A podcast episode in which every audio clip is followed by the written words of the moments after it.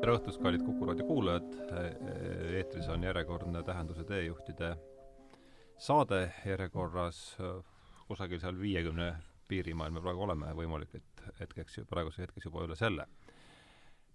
Ja ma alustan, enne kui ma tutvustan saatekülalisi, vahepeal sellise unarusse vajunud traditsiooniga, et loen ette ühest raamatust siis teemale viitava lõigu olen siin oma lugemis-, veerimisoskuste eest äh, õigustatult nahutada saanud, et vaatan, kuidas see seekord välja tuleb.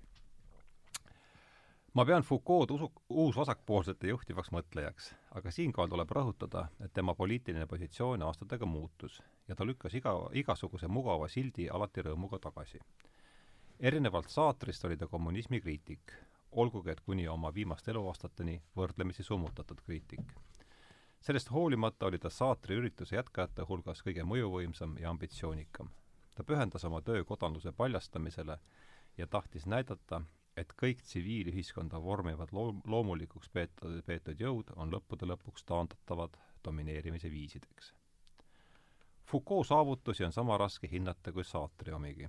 ta kujutlusvõime ja intellektuaalne hoog on loonud hulgaliselt teooriaid, põhimõisteid ja andnud uusi teadmisi, ning tema stiili terviklik poeesia tõuseb vasakpoolsete kirjutiste läbitungimatust porist kõrgemale nagu kotkas mõõna paljastatud rannikuriba kohale.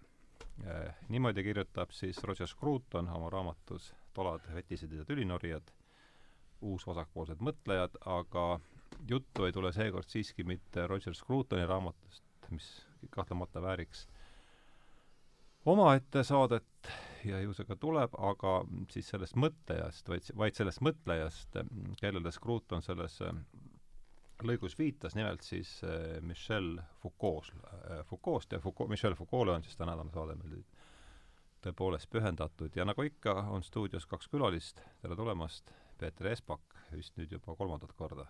just nii, tervist! ja tere tulemast, Mihkel Kunnus, ka kolmandat korda või? küllap sa olid, eks ole, olid jah, Mikkali mhm. ja, ja siis Johannaga, nii et äh, kolmandat korda sel hooajal tähenduse teejuhtide saates. nii et hakkame siis pihta.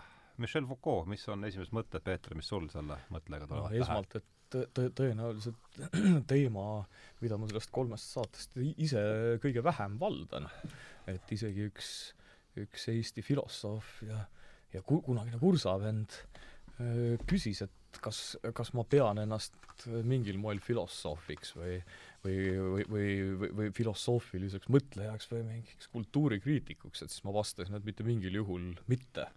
et ma ei pea ennast selleks, et ja ei pea ennast ka mingiks Foucault asjatundjaks, aga et aegamööda olen olen lugenud ja arutlenud ja, ja, ja vaadanud kogu seda koolkonda. no meil ongi hakanud selline äh, kuidagi hoiak levima, et kirjandusest tahivad rääkida ainult kirjandusteadlased ja, ja, ja et äh, meie arvates see nii ei ole, et äh, võime siin rääkida millest, kellega no kaks, kaks tuntud ka Tallinna Ülikooli intellektuaali on mulle korduvalt öelnud, et kuna ma ei ole Foucault õppinud, et siis ma ei ole ei tohi rääkida Foucault'st? no umbes nii jah, et eriti veel kritiseerida, et oh. siis ma võtan selle arvesse, ütlen, et olen natukene isegi õppinud, aga et ma kindlasti ei ole pädev sellel alal, et ma arvan, et Mihkel Kunnuse erialaselt on kohe kindlasti. aga ikkagi midagi, midagi no, semiootikuna ja kõige see, see, kindlasti Mihkel oskab, on ütleme, erialaselt rohkem märgatavad. hästi, sa oled nüüd vaba, aga ütle veel siis, ütle veel paar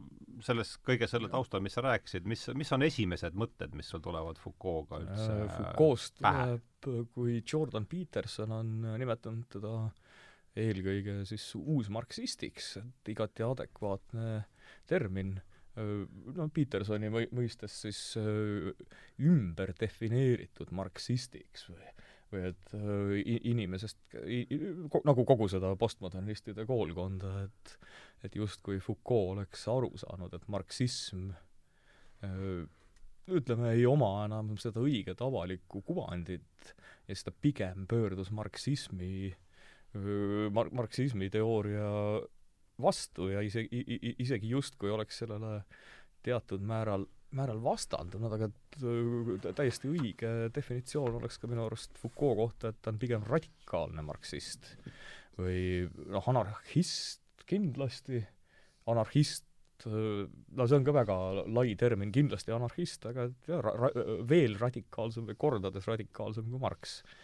kui öelda, et Foucault või, või ka Derrida või või mitmed selle koolkonna mõtlejad, et nad ei olnud marksismid või isegi vastandusid sellele, sest nad pigem vastandusid marksismist sellele, mis noh, nagu Mark, Mar-, nagu Foucault ka ise on maininud, et ka Marx või marksism on, meenutab ennast sellist hiiglaslikku ühiskondlikku tehast.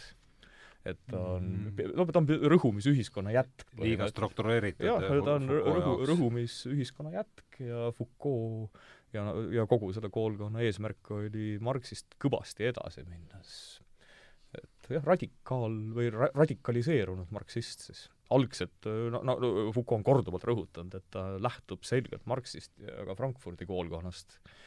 Frankfurdi koolkond lähtus selgelt Marxist, kuigi nad olid lihtsalt ka edasiarendus. et seda on Foucault alati öelnud, et noh, ta, Marx ja Frankfurdi koolkond on tema tema ikkagi töö alused mm. -hmm. aga nimetatakse siis mässavaks radikaalseks marksistiks, et ole hea, Mihkel. jah, Peetril on selles mõttes õigus, et ma olen temaga ka nii-öelda ülikoolis kokku puutunud, kui ma läksin semiootikat õppima keemiast aastal kaks tuhat viis ja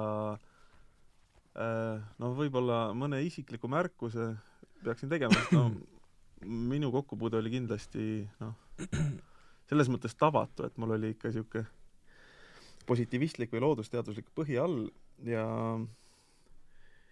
ja Foucault nagu ma sülitasin ta suhteliselt kohe välja, ütleme niimoodi. väga mõistlik.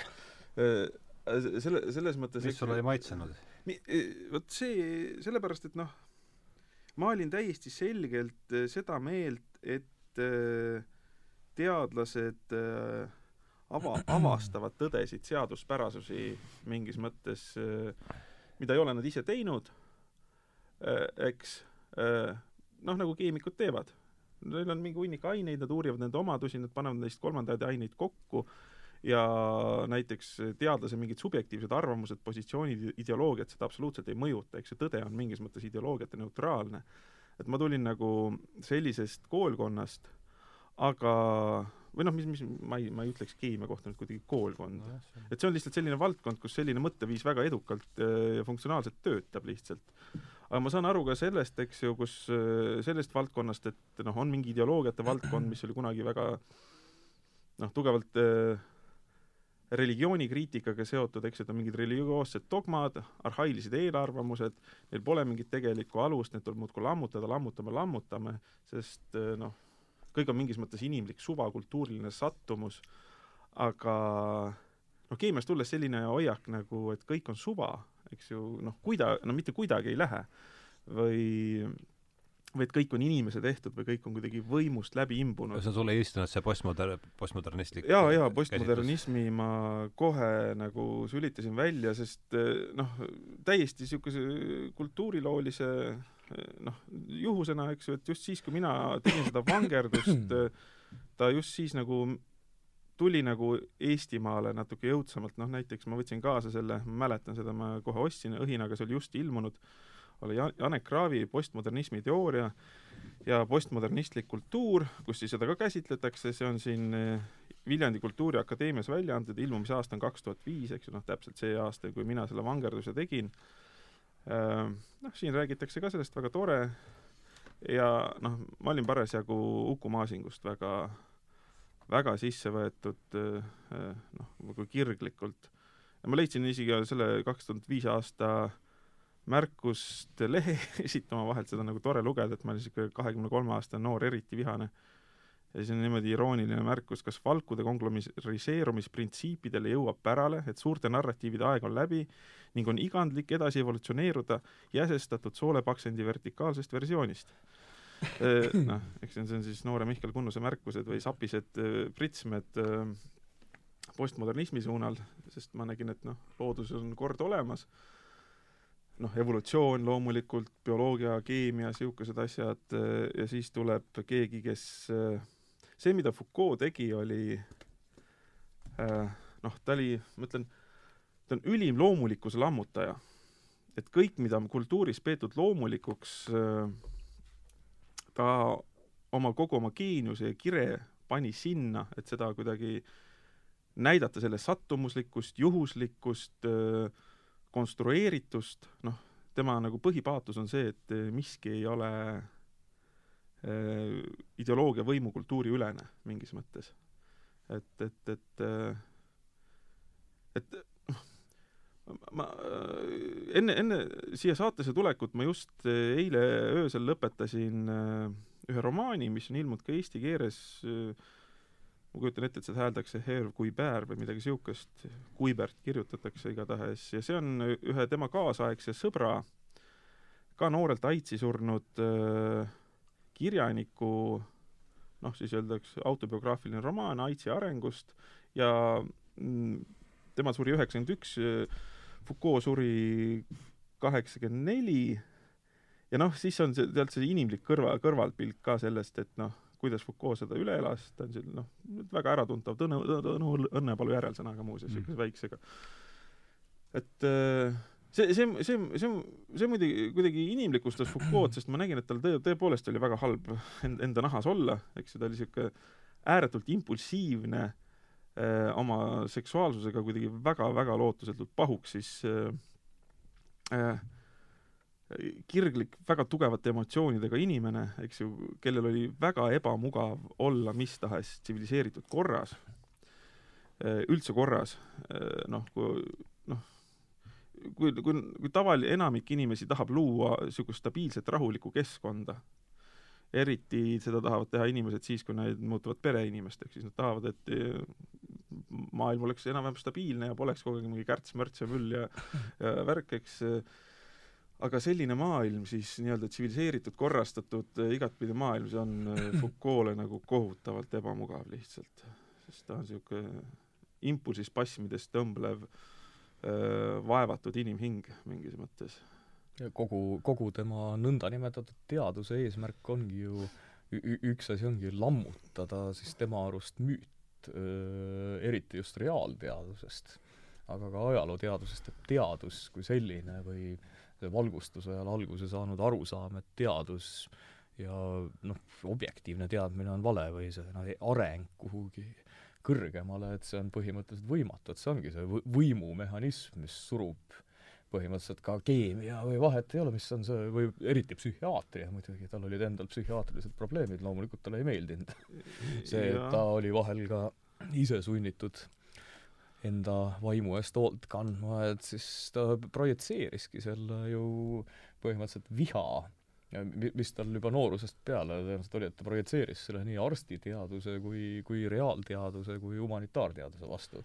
et ta eesmärk oli, vähemalt mulle on selline mulje jäänud, lammutada, lammutada kaasaegne teadus kui selline, kui, kui no, nähtus. sest asi on selles, eks ju, et see, mida ta tähele pani, et teadus on autoriteetsel positsioonil, eks ju, kirik on läinud, teadus on uus autoriteet, autoriteet nagu paratamatult seostub võimuga ja siis ta nii-öelda noh, hakkas seda kuidagi õõnestama, näitas, et see pole jälle kuidagi loomulik, see on sattumuslik. Ja, ja üks asi jah, mida, äh, millega ta nii-öelda võib-olla vapustas või mõjustas, et ta hakkas näitama et ajaloolised või ta võiks öelda väga veenvalt siis suutis või suutis väga paljusid veenda, et ajaloolised on ka sellised nähtused, mida, mida me üldiselt ei pea ajalooliseks. no näiteks väga üks tuntumaid näiteid, eks ju, see seksuaalsuse ajalugu, mis on eesti keeles ka, et see ei ole siis ajalugu seksuaalsust käsitlevatest distsipliinidest näiteks, eks ju, kuidas on seksuaalsust uuritud, vaid seksuaalsuse kui sellise eneseajalugu. ja ta ütleb, et seksuaalsus on välja kujunenud üldse noh, valgustusajal või hilisem, veel hilisemalt, et enne seda ei olnud nagu mingit äh, seksuaalsust kui sellist oli teatav nii-öelda ars erootika, erootiline kunst või mis tegeles siis naudingute intensiivsusega ja ja kestvusega ja niisuguste asjadega, aga ta muutus niisuguseks uurimisobjektiks, pihtimise objektiks, et kus üldse tekib kujutlus sellest, et see on kuidagi alla surutud või peaks olema alla surutud või on vaja tsiviliseerida või et ta näitas, et see on mingi väga hiline formatsioon ja sugugi mitte kuidagi loomulik asi. eh, mis on kogu aeg kestnud ja et seksuaalsuse ajalugu ei ole siis ajalugu sellest, kuidas inimene tegu-, on läbi ajaloo oma seksuaaltungiga hakkama saanud, vaid tegutsenud, vaid üldse näitab, kuidas see on väga hilja, hilja üldse leiutanud, et see pole mingi inimolemuse antus, vaid mm -hmm. konstruktsioon. No ta ju, ta üritaski ju tema enda vist väljendi järgi, et oligi need nõndanimetatud valgustuse ajal sündinud teadused mitte ei vabastanud inimest, vaid surusid inimese hoopis teatud valuvormide sisse.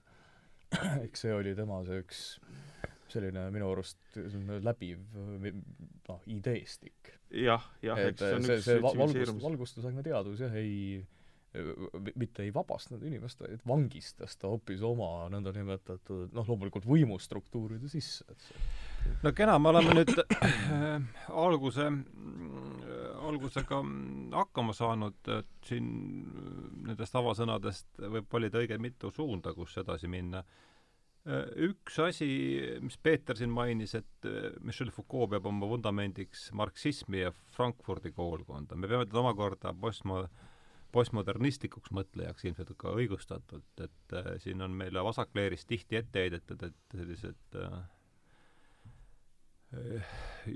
et me ei tea, ei tee üldse mitte millegi vahet, et äh, marksismi ja postmodernismi vahel on ületamatu vastuolu ja see on kahtlemata õige, sest postmodernism äh, või postmodernistlik mõte eitab igasuguseid suuri narratiive, marksism on niisugune arhetüüpiline suur äh, narratiiv.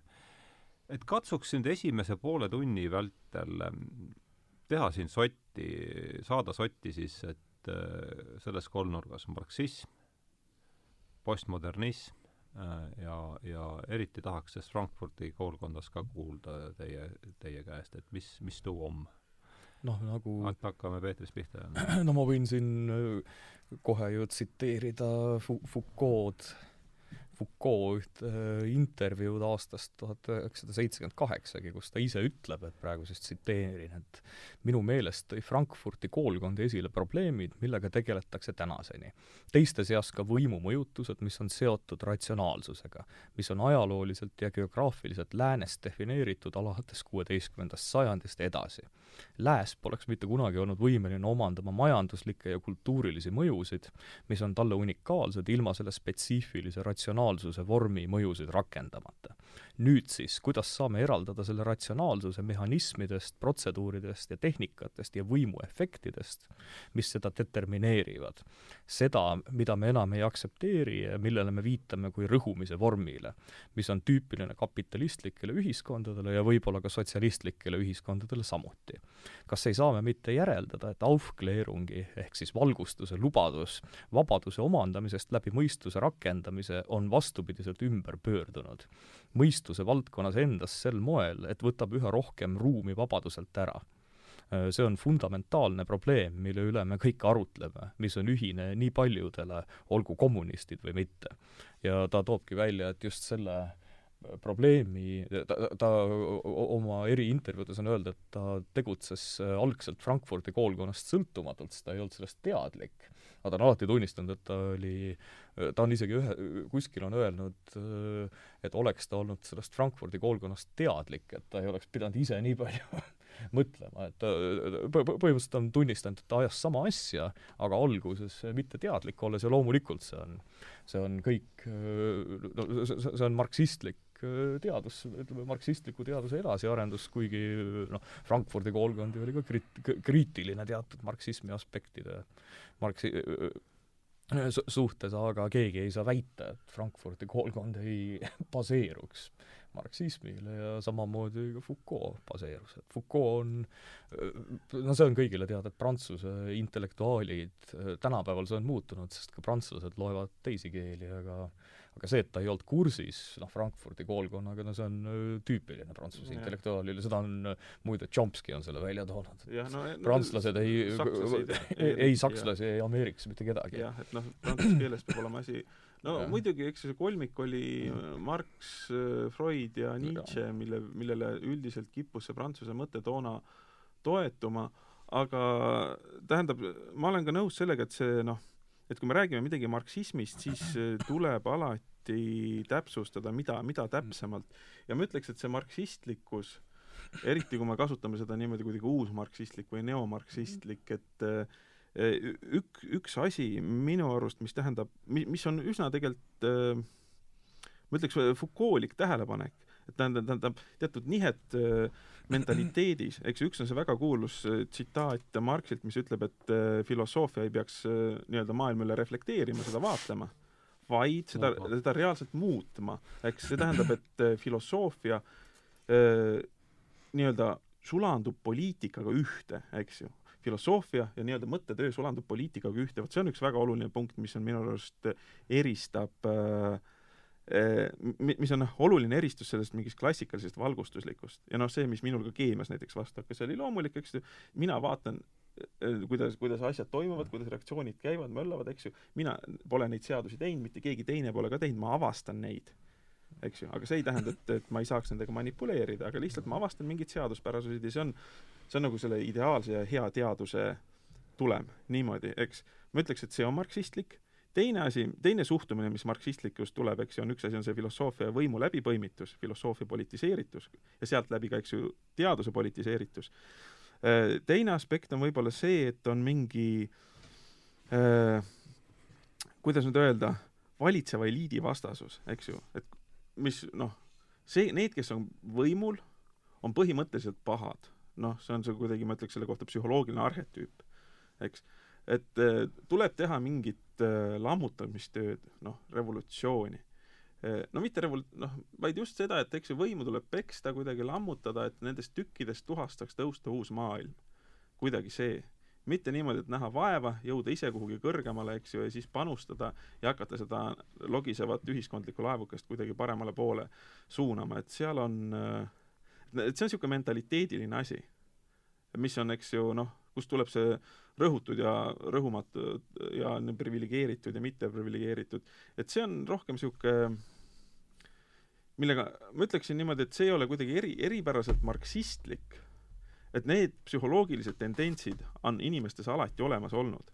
ainult äh, miks pole väga nii-öelda ebaõiglane neid Marxi nimega äh, siduda, on see, et Marx esimest korda tõi nad või need ütleme siis, inimhinges peituvad ilmingud äh, akadeemilisesse nii-öelda tippu, võiks öelda. sekulariseeris nad, ma saan aru. noh, või, või võime ka nii öelda jah, kindlasti sekulariseerumisel on siin äh, oma, omasugune roll jah, eks ju, ta toob selle, selle nii-öelda päris patu, võiks öelda, institutsioonidesse sisse mm. -hmm. inimesest välja institutsioonidesse sisse, et, et et me ei, me ei, me ei, et need on rohkem tõepoolest, ma ütleks kuidagi marksistli-, me võiks isegi rääkida siin traditsioonist, millele andis omal ajal kõige suurema fungi Marx, eks, et see, selle traditsiooni jätkumine, et iseenesest äh, noh, et äh, seal sees võib olla väga suuri skismasid vahepealses traditsioonis sees, umbes niimoodi, nagu kunagi olid kõige suuremad sõjad, eks ju, oli katoliiklaste ja protestantide vahel, eks ju, kõige suuremad ususõjad, nüüd natuke kaugemalt vaadates noh, me võime öelda, et üks, üks enam-vähem sama vool, eks ju, üks kristlik vool, kõik.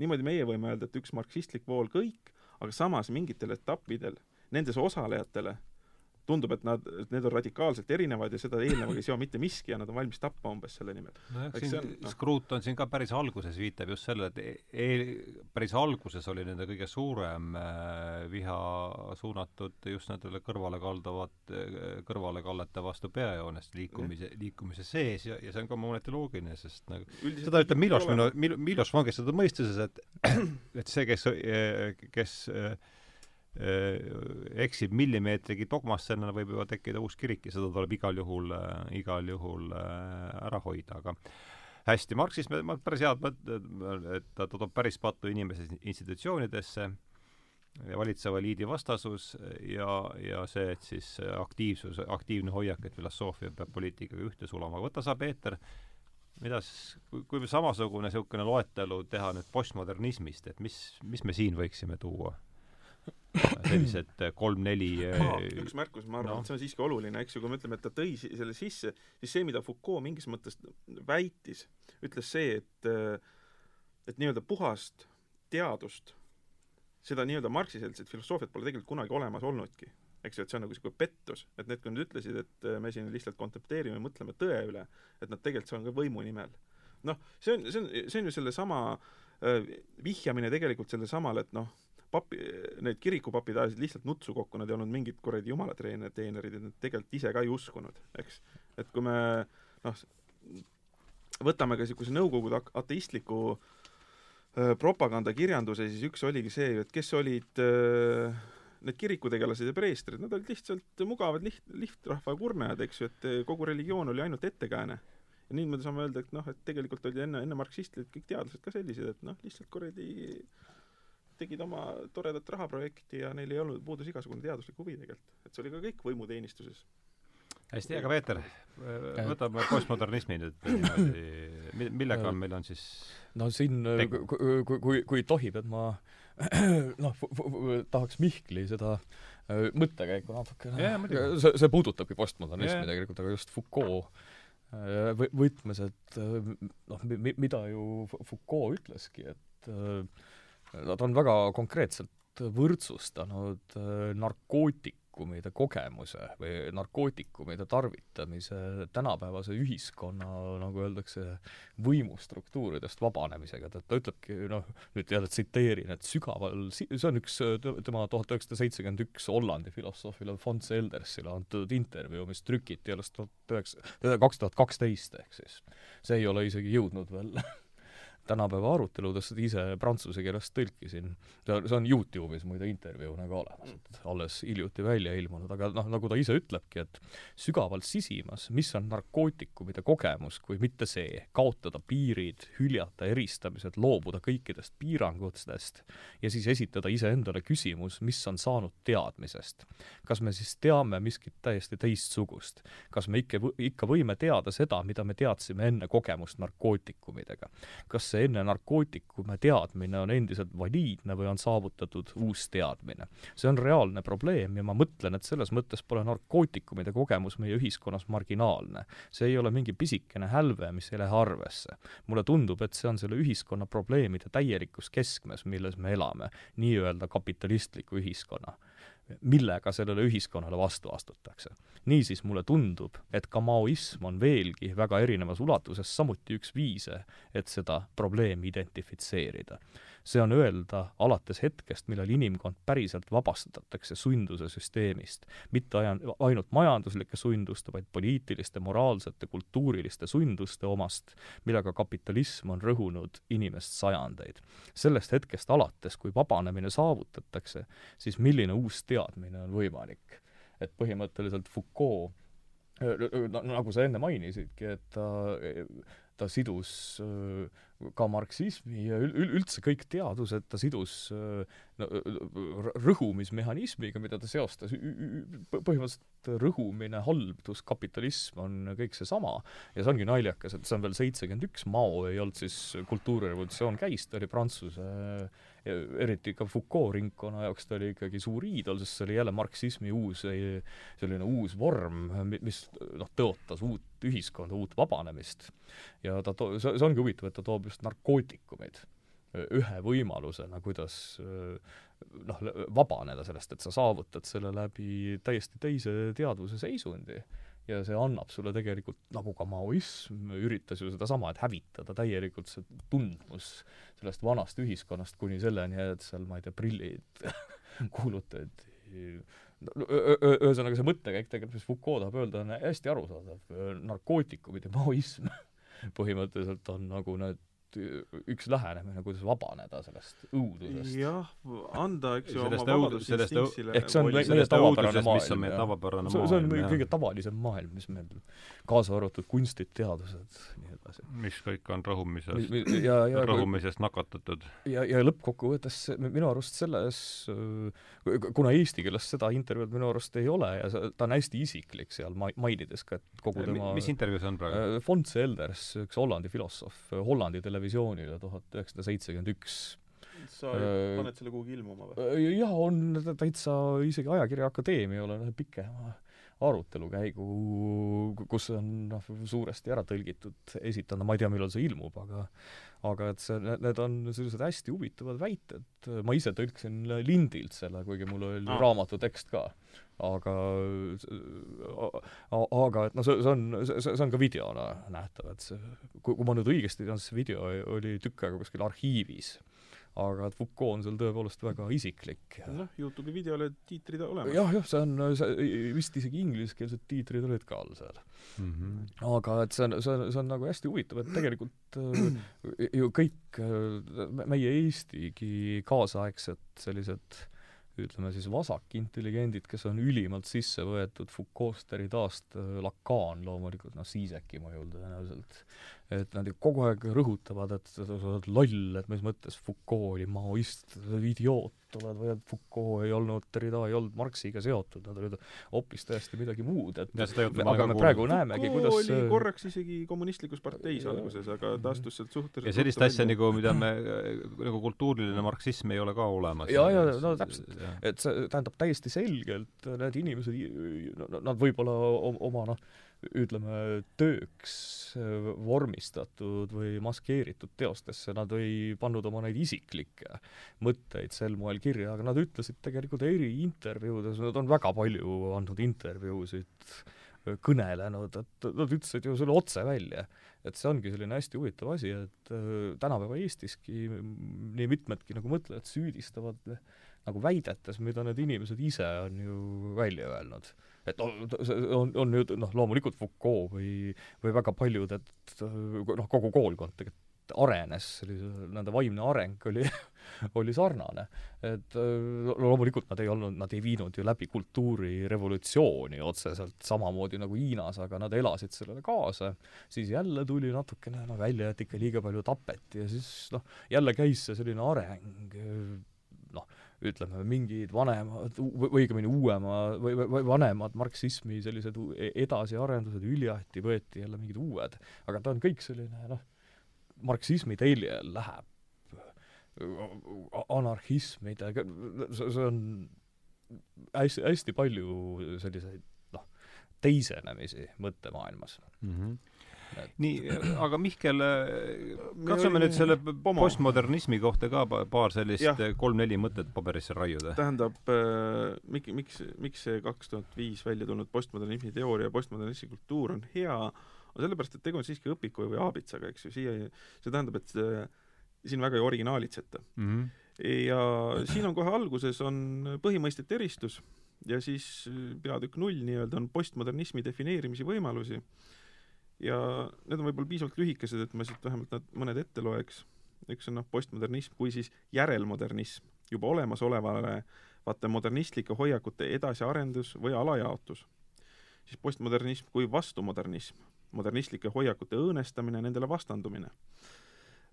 kusjuures see, see vastumodernism meenus mulle nüüd hiljuti, kui Hasso Krull käis Black Trummis jah, ja, ja kusjuures see oli väga huvitav intervjuu ja seal ta meenutas, vaata niimoodi, et John Gray on suur postmodernism, kes to-, inimene, kes toob välja moderniseerumise liialdumisest tulnud hädasid, eks. noh, selles, selles äh, tõlgenduses vabalt. väga sümpaatne tegelane, eks ju, kohe. siis on hiliskapitalismi ekvivalent üks võimalus, eks ju. postindustriaalne tarbimisühiskond, transnatsionaalne kapitalism. siis on niisugune väga kiretu definitsioon, modernismile järgnev ajalooline periood näiteks. ja no siin käib nüüd see modernismi äh, teema, me peame siis selle kohta ka midagi ütlema, et see on ikkagi niisugune elutunnetus ja, ja, ja elukorraldus, mis meil sündis pärast Prantsuse revolutsiooni laias laastus või? jah. üks, üks veelahe on kindlasti kusjuures üks, üks viis nagu modernismi defineerida on just äh, täpselt ta panna sinna ja siis öelda, et äh, see tähendab kolme suure peamise transcendentaali, ilu, tõde ja headus, need muutuvad autonoomseteks valdkondadeks ja on potentsiaalselt omavahel konfliktis. enne seda seda väga olla ei saanud, et noh näiteks koos. kõik, kõik on jumala atribuudid, eks ju, ja kui nad tunduvad meile siin piiratud maailmas äh, kuidagi vastuolus olemas või ajutiselt konfliktis, siis see tuleb meie inimlikust piiratusest, eks. aga noh, näiteks isegi Saptki poisid aeg-ajalt ikka ütlevad läbi ilude ja headuse kuidagi, need panevad ilusti komplekti, et need asjad peavad koos käima. ja kusjuures sealt tuleb ka see, miks on noh, miks näiteks äh, kas või vahitorn ja sihukesed, et kui neid lapata, siis need on väga-väga esteetilised, sest noh, ilutõde ja headus peavad alati väga komplektis olema. aga moderniseerumisega jah, nad läksid potentsiaalselt konflikti, eks ju, sealt tekkis näiteks võiks öelda moderniseerunud teadlane, kes on uhke selle üle, ütleb, et teadus on eetika pime, ta on uhke selle üle, eks ju. et Oppenheimer, Heimer, kui ta teeb tuumapommi, ütleb, et seega, kas sellega midagi tapetakse või mitte, eks ju, teadusele on see suva, eks ju, näiteks igasuguste geenimanipulatsioonide puhul praegu tuleb samamoodi. teadust see ei huvita, eks ju, eetikud segavad ainult.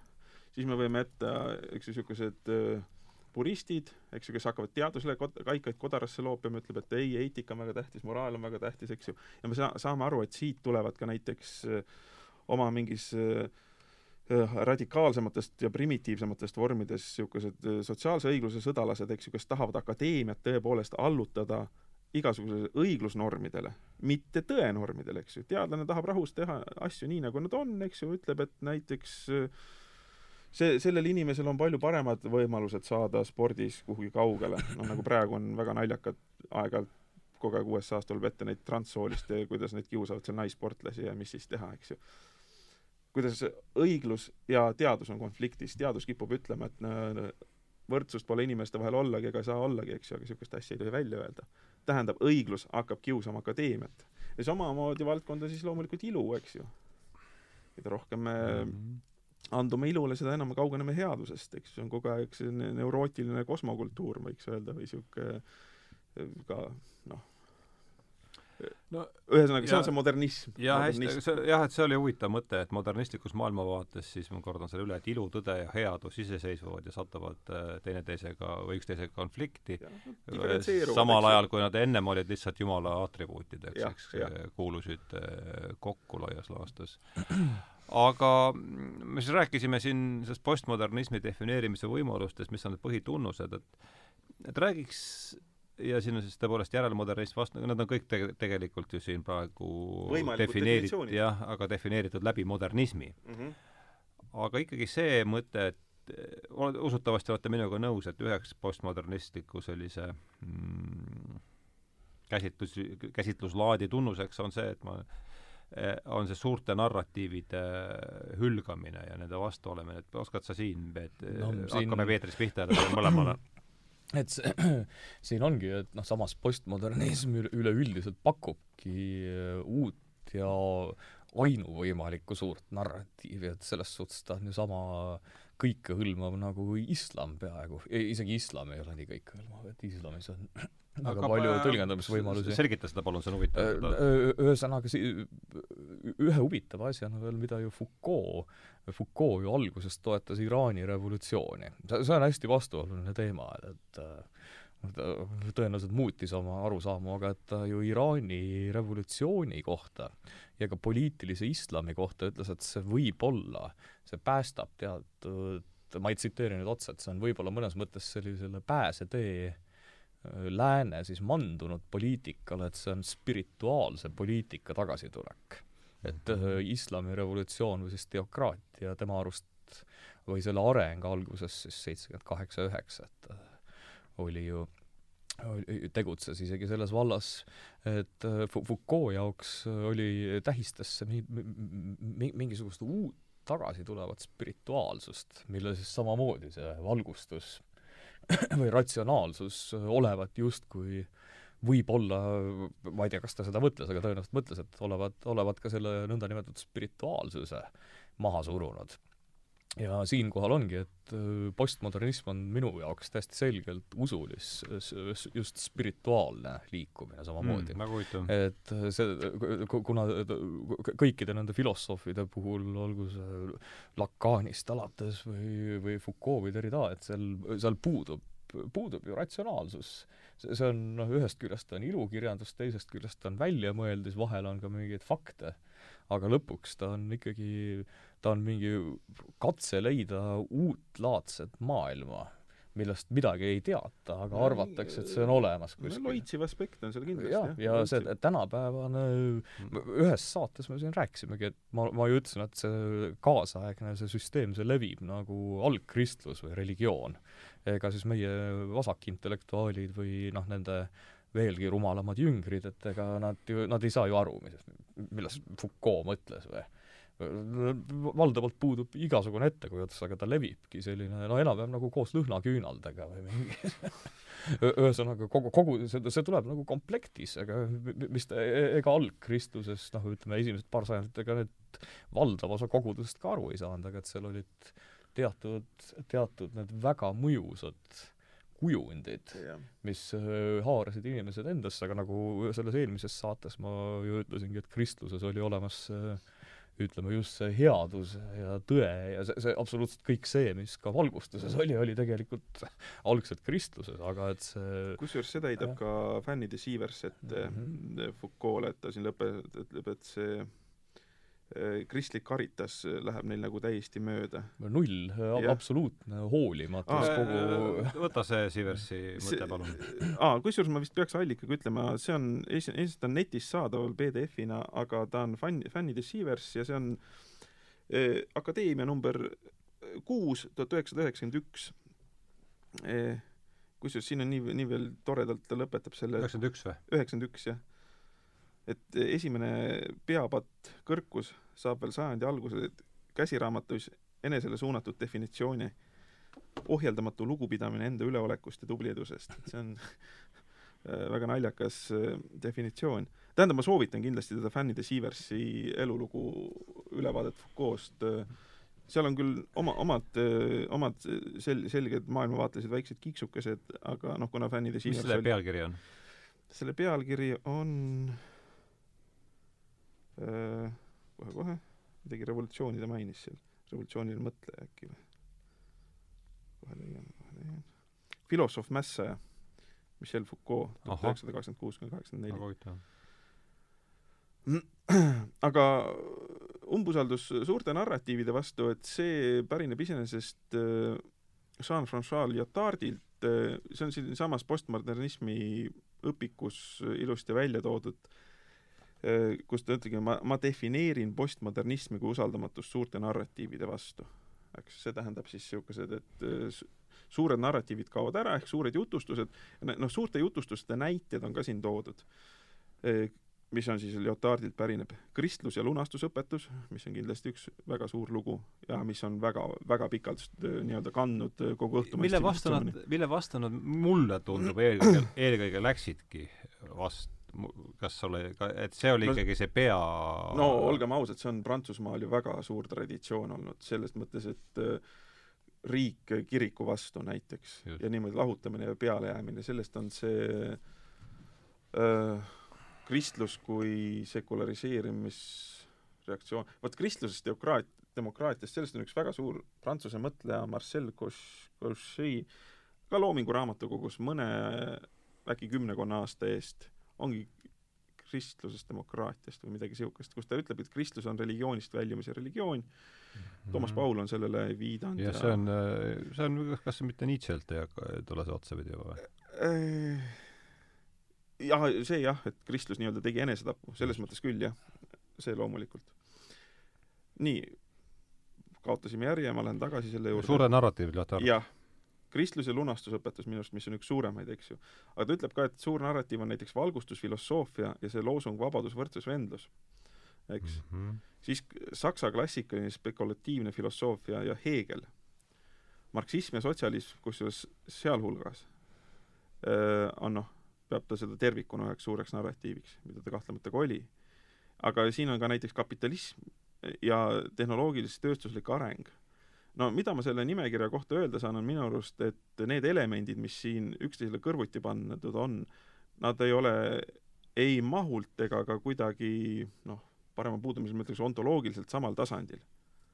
et eh, noh, seda tähendaski siin ka selle noore minu märkus, eks ju, et noh, näiteks evolutsioon või mingid kultuurilis- või noh, ökoloogilised protsessid, me võime neid täheldada, aga me ei saa neid dekonstrueerida, eks ju, need on mingid seaduspärad, mis looduses on. Ja noh, ma ei paneks kuidagi niimoodi need näiteks, et me paneme marksismi ja sotsialismi ja kapitalismi ja tehnoloogilis-tööstusliku arengu ühele pulgale. üks on siiski niisugune utopistlik unelm, eks ju, teine on see paratamatu reaalsus, mis meie ümber tiksub. võiks öelda, et kapitalism ja tehnoloogilis-tööstuslik areng on on, see on mingi kõik suur see, mis õues on. kõik see, mis õues on, eks ju, me näeme, et et me võime isegi seda nui neljaks eitada, aga ta lihtsalt on. samas kui marksism ja sotsialism on see, et me võime seda nui neljaks unustada, aga unistada, aga ta ei realiseeru, eks ju. ühte me ei suuda derealiseerida, teist me ei suuda realiseerida. et selles mõttes ma neid päris samale tasemele ei pane, paneks, aga noh, aga, aga kust tuleb see siis, noh, Lyotard on nüüd see Üks see- jah, et et tema, aga mis see tema see, mis oli Lyotardi niisugune tõukav, käimalükkav jõud siis selles, selles vallas, emb-kumb soovib vastata?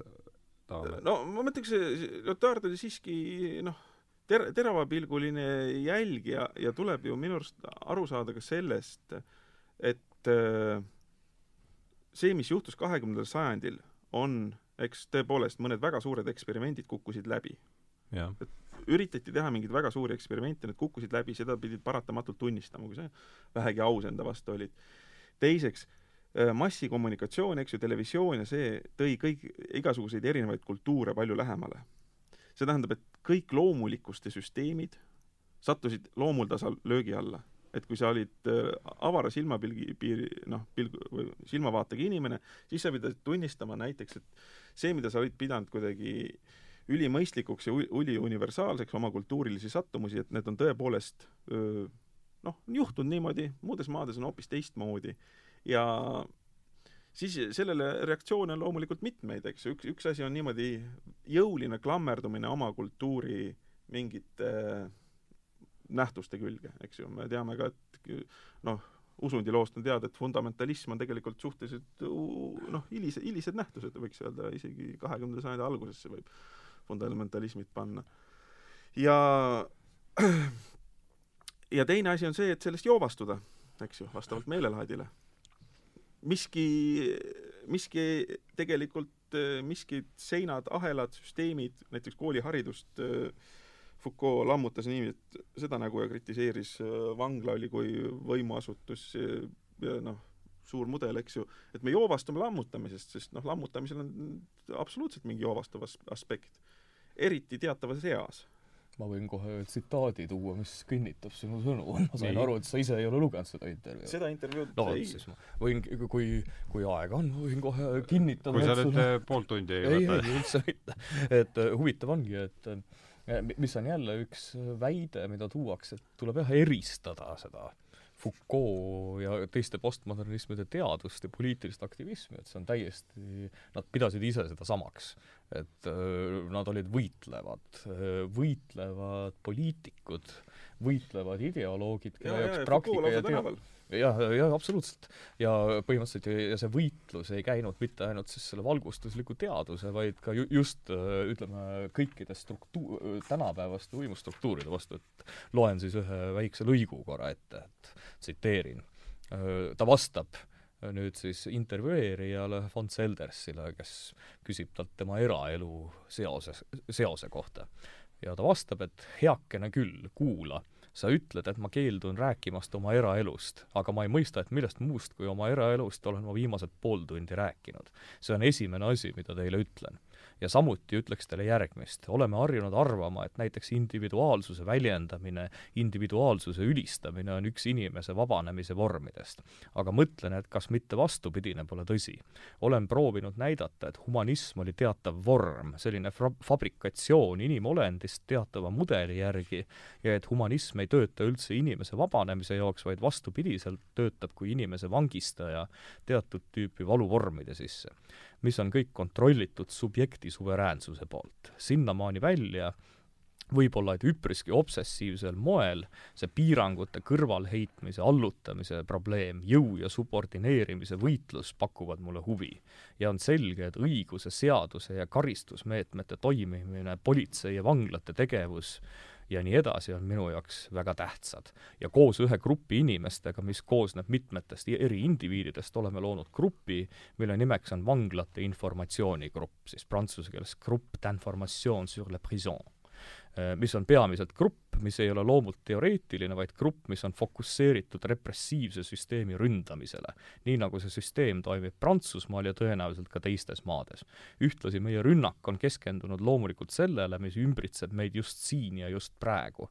nimelt, kui nii võib öelda, õigus- ja politseisüsteemile, mis hoiab alal, laiendab ja põlistab kõiki käskusid ja kõiki moraalseid, ühiskondlikke ja õiguslikke piiranguid meie ühiskonnas et see nä-, näitab, tegelikult see intervjuu võtab ja, ja väga paljud laused võtavad ju kokku kõik ka need Foucault raamatud, mis siin on, et see on täpselt, see on öö, otsene rünnak kõige vastu, mida on vähekenegi võimalik seostada siis sellise, olgu siis humanismist alguse saanud teadusega või või mingisuguse kapitalistliga, no kapitalism on üldtermin, see kapitalism, see on nagu tänapäevalgi äh, tõenäoliselt sellise rumala vasakintellektuaali jaoks kapitalism tähendabki noh, kõiki mingi inimene, kellel on noh, rohkem raha õlut osta kõrtsis ja ma ei tea, kellel on ilusam lips ja yes. ja auto näiteks või oma korter ja siis no see on see vim- no,, vimma, vimmast, vimmast välja kasvanud. või keegi, kes on ilusam või targem või midagi. see on, et kui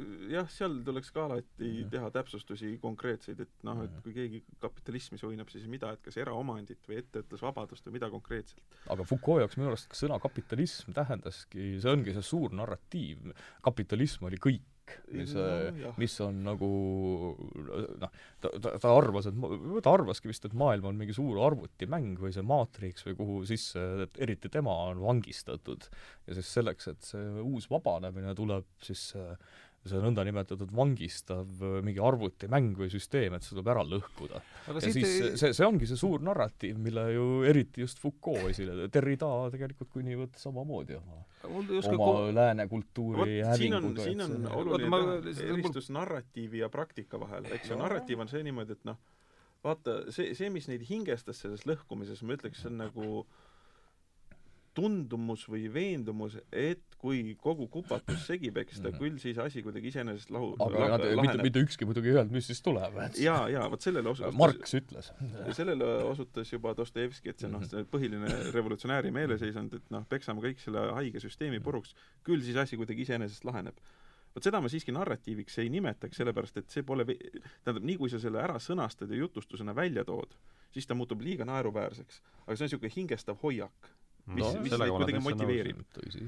ja Peetri toodud tsitaadile, siin on üks, veel üks tsitaat äh, Foucault, mis on äh, Foucault ühe, ühe tuntuma või võib-olla ühe mõjukama raamatu Valvata ja karistada, vangla sünd, äh, eestikeelse tõlke järelsõnas, kusjuures nende eestikeelsete tõlgete järelsõnad on üld, üld, üldiselt väga-väga head ja, ja, ja põhjalikud, siin on Mirjam Lepikult ja, ja noh, tõlk ja järelsõna. äh, ja kus siis nii-öelda, et kui Foucault äh, aru päriti, et äh, siis tsiteerin nüüd Foucault, kõik mu raamatud, nii hullumeelsuse ajalugu kui ka Valvata ja karistada on, kui soovite, väikesed tööriistakastid.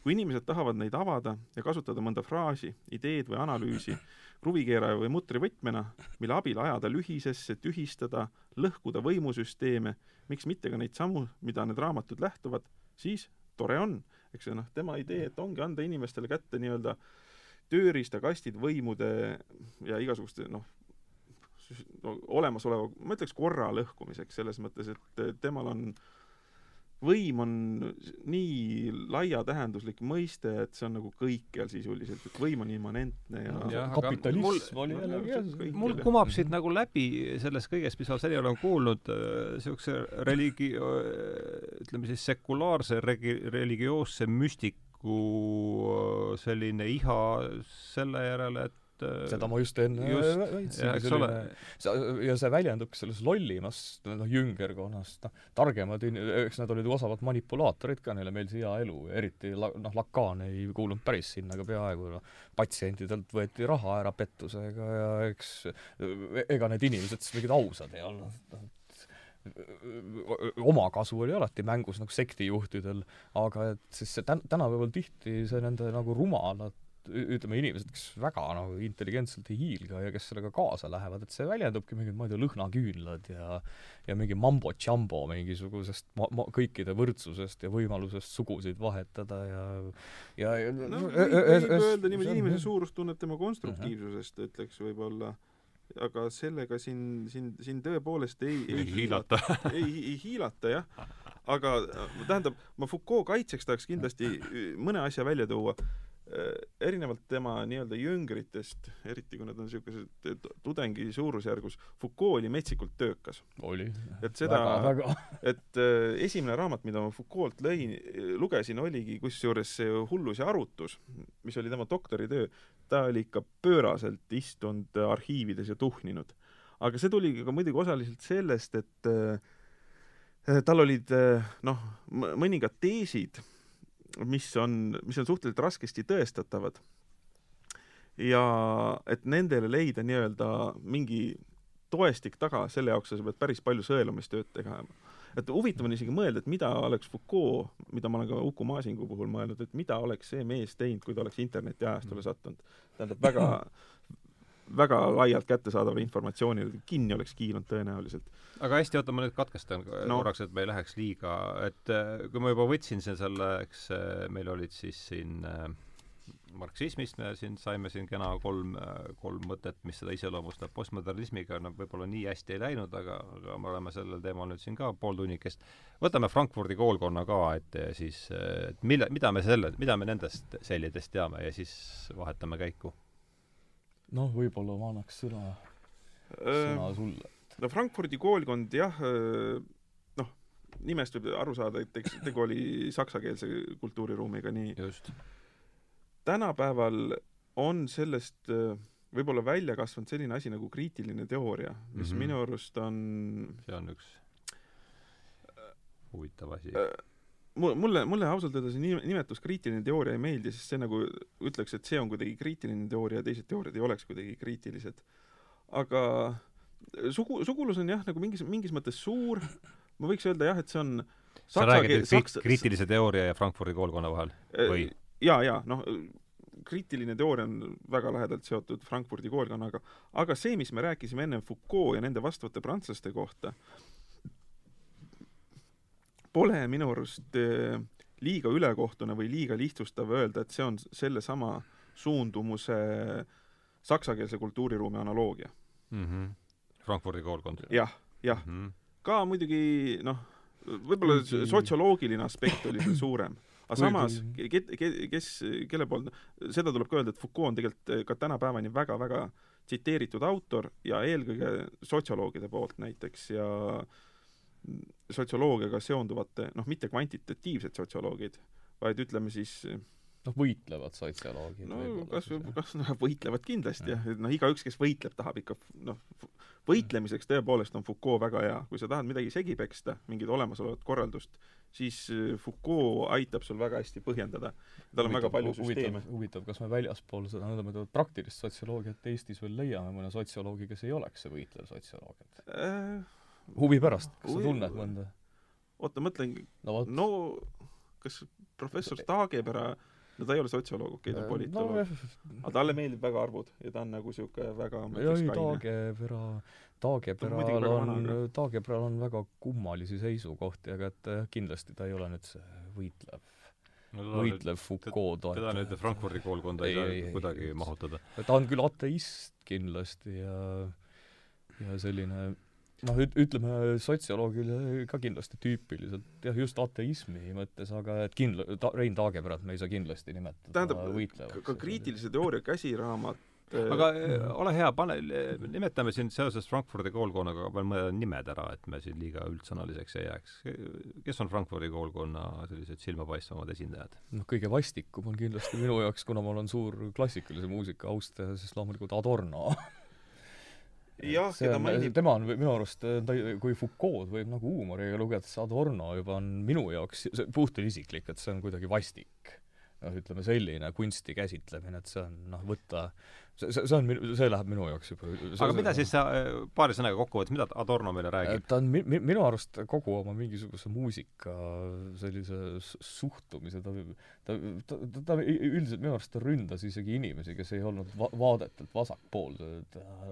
noh, see, seda ma ei oskagi nüüd ebameeldiv, ebameeldiv. kusjuures ka tundub, et need, need ka Michel Foucault ajas äh, mõningaid tudengeid noaga taga ja ja selles mõttes, et teatav niisugune füüsiline Kir-, agressiivsus kirglikkus on ja see esindada käis. kirglikkuse ju-, kirglikkuse juurde, et see fännidev Siivers jälle toob neid seal asju välja. kahju, et ma ei saa Foucault ühte tuttavat tsiteerida, kes on veel elus ja kes Jah. kirjeldas aga no väga vängeid aspekte, et ma ei ole talt luba küsinud. Jür-, Jürgen Habermas, kes Habermas, on eks ole, jah. jah, kes on minu arust ikka veel elus. kui ma ei peaks eksi, olema jah., ja siis noh, näiteks Herbert Marcuse on üks niisuguseid tuntumaid äh, ja võib-olla ka Erik, Erik Fromm, Orkheimer. Fromm, kindlasti Orkheimer on üks Ja- Foucault. Ja- on teda ja- toonud öö, oma eeskujuna isegi välja. no ja mi-, mis neid iseloomustab, jälle teatav rahulolematus selle ajaga, kaasajaga. Ja ma, ma ütleks kusjuures siiski tegelikult aja, ajaloo, ajaloo pimedus. Ja, ja noh, näiteks, et mul tuleb meelde, et noh, näiteks Frommi puhul, mida on välja toodud, eks ju, mis on eesti Fromm keeles väga populaarne olnud äh, armastuse kunst, eks ju, kus ta ütleb jälle, et äh, see loomulikult see kahekümnendal sajandil formeerunud kapitalistlik individualistlik ühiskonnaga armastus, eks ju, et see on tapnud inimestes armastuste võime, aga kui on mingid kas või mingi niisugune natukenegi kainem eraelu ajalugu, siis näitab, et äh, mitte midagi sellist, mille, mille lõhkumist ta kapitalistlikule süsteemile ette heidab, et seda pole kunagi olnudki. et nagu see on äh, oluline aspekt, nad on nagu jah, ma ütleks, mingid tänapäeva kriitikud mingis mõttes, kes äh, nojah, no ikka seostub sellised sõnad nagu tarbimisühiskonna kriitika, kapitalismi kriitika, kusjuures jah, häda on see, et nii kui asi läheb nagu konkreetseks, et noh, tõepoolest, et kui sa kritiseerid kapitalismi, mida sa teeb, noh, mida sa siis kri- kritiseerid. ja mis puudutab mingite teatavate puuduste väljatoomist või s- loetelu nendest, siis ju sellega saab enamasti nõustuda, aga asi ongi selles, et noh, positiivse programmi puudumine. Et eh, minu arust vot võtmeküsimus on see, et eh, kuidas eh, mõista seda, et see süsteem, mis meil on, on parim, mis on siiamaani nii-öelda suudetud luua, noh, me võime laiendada seda kurikuulsat äh, Churchilli ütlust demokraatia kohta, eks ju, et see on väga halb süsteem, aga paremat pole suutnud välja mõelda, noh, see käib ju väga paljude kapitalistlike süsteemide kohta ka ja mingite üksikute pahenditega. noh, häda on selles, et kuidas äh, olla kindel, et ravim pole haigusest hullem, mis on väga mm., väga kuidagi minu arust kokkuvõtlik kriitika no sest noh, mis, mis oli, mis oli see marksismil ja so-, või sotsialismil ja kommunismil viga? lihtsalt ravi oli haigusest hullem. see on ju kõige lühem kokkuvõte, mis neil asjadel häda oli, eks ju. see, see ja No, see, et kui ravi on haigusest hullem, see ei tähenda kuidagi haiguse eitamist iseenesest, eks ju, see olemasolemine ongi siin meil niisugune hädine ja puudulik. Et Mhm. ja, ja see, see on niisugune teatav, kust tuleb sisse see mentaliteediline veelahe, ma ütleks just. nii-öelda revolutsioonilise ja alalhoidlikuma öö, stiili vahel. aga see, noh, näiteks Foucault oli kindlasti, et see, mis olemas on, see on nagu nii talumatu, et see tuleb kuidagi segi peksta. ja kusjuures nagu Foucault puhul on see, et, et isiklikult Foucault puhul tundub, et tal oligi nii halb olemas olla.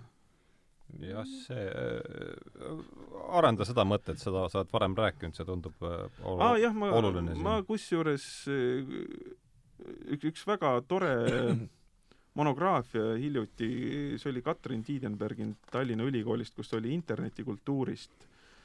ja seal lihtsalt üks lõpuosa oli Foucault abil tehtud ja ma lihtsalt nagu kasutasin seda noh, ütlesin, et muidu väga hea töö ja noh, tõepoolest väga hea töö minu arust nagu internetikultuur ja mis seal toimub, see on nagu sotsioloogiliselt ääretult oluline ja vajalik uurida, aga siis ta vaatas neid noh, kuidas tegelevad seal mingid eh, erinevad emmed Instagramis ja siis ta ütles, noh, et seal oli seal teatav rahvuslik erinevus ka, et vene rahvusest noored emad, et nad, kuidas, millised on nende rasedusselfid ja et eh, ütlevad, et noh, teeme kuidagi issile perekonda ja hea issi ja kõik ja noh, ütleb, et niimoodi taastoodab pro- noh, oli näha, et inimesed on väga õnnelikud oma olukorraga, tegelevad asjaga, seal ütleb taastoodab patriarhaalseid süsteeme ja võimustruktuure ja niimoodi, et noh, see leksika tuli sisse.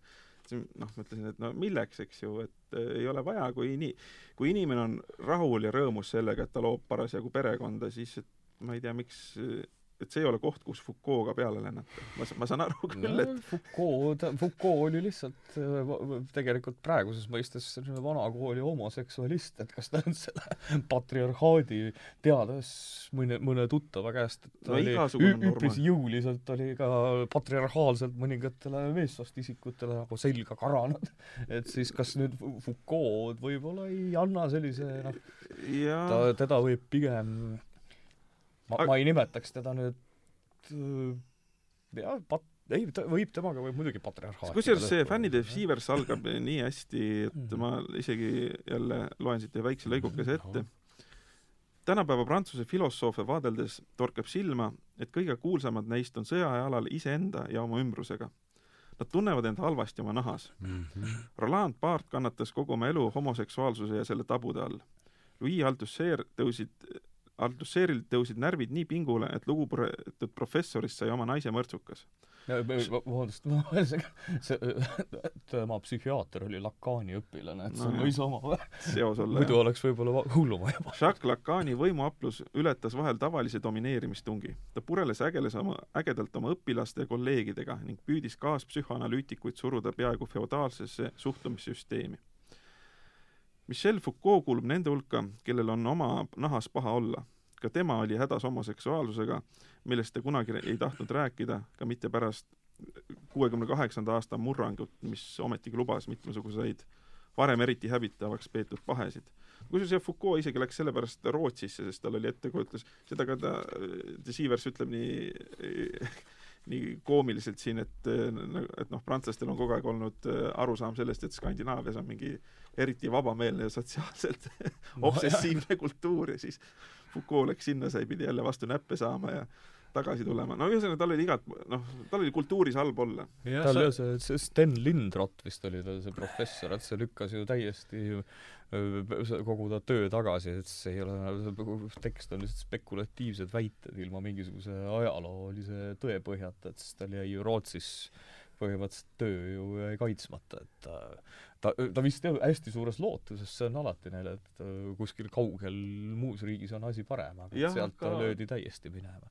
täna, tänapäeval Rootsi oleks ju nagu Foucault imedemaa põhimõtteliselt, et aga et äh, muidugi siin tuleb tähe ka veel seda teha, et äh, noh, ta küll keeldus fe-, fenomenoloogia sildist äh,, aga tema vaatluses oli väga tugev fen-, fenomenoloogiline aspekt selles mm. mõttes, et empaatiline, me võime nii-öelda positiivistlikust või teaduslikust seisukohast öelda, et tegelikult me ei saa kunagi teada, mis tunne oli olla näiteks seitsmeteistkümnenda sajandi lõpu söekaevur, eks, et me ei saa lihtsalt teada seda.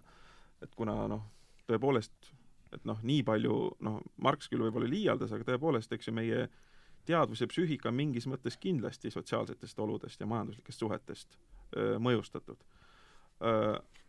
Ja noh, Foucault üritas aru saada, noh, on seda raske aru saada, mis tunne on olla kellelgi väga teistsugusel, mingis väga teistsuguses kultuuris. sellele on mm. -hmm. raske pihta saada, kindlasti mm -hmm. nagu objektiivse teadusega.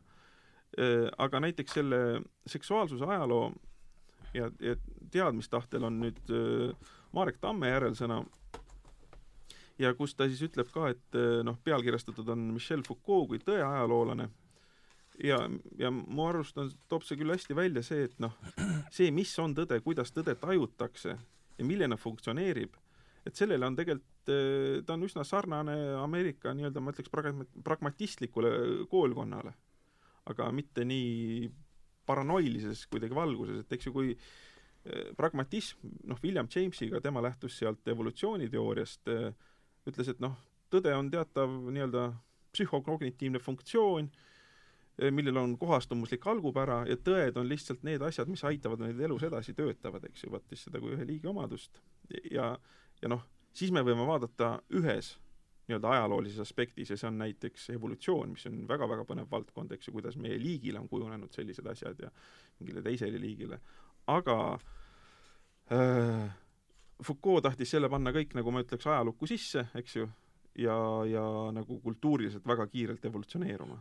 Et see on, vot mida tema puhul tuleks rääkida kindlasti, on võib-olla see, kuidas ta nägi siis äh, ühiskonda või ajastut kirjeldavad nii-öelda diskursiivseid süsteeme, episteeme, nii-öelda mis, mida käsitletakse tõena, kuidas tõde toodetakse, võib-olla kõige sa-, sarnasem või, või parem või võib-olla rohkem tuntud viide on siin öö, Toomas Kuhni teadusparadigmad, eks ju, see on niisugune mm. teadusfilosoofiline kontseptsioon, kus aeg-ajalt toimuvad nii-öelda üks paradigma vahetab välja teise, mitte üks ei kasva välja teisest sujuvalt, vaid toimuvad nii-öelda, eks ju, see on see teadusrevolutsioonid, nagu Kuhn ütles, noh, Kuhn oli füüsik, et ma võib-olla ütlen ka, et see raamat äh, tuli välja kuuskümmend kaks, on ka eesti keelde tõlgitud avatud Eesti raamatusarjas, ja noh, üks tuntumaid näiteid on siis, kui äh, Newtonlik füüsika ehk Newtonlik paradigma kõmm läks järsku üle nii-öelda rel-, relativistlikuks, Einsteinlikuks paradigmaks.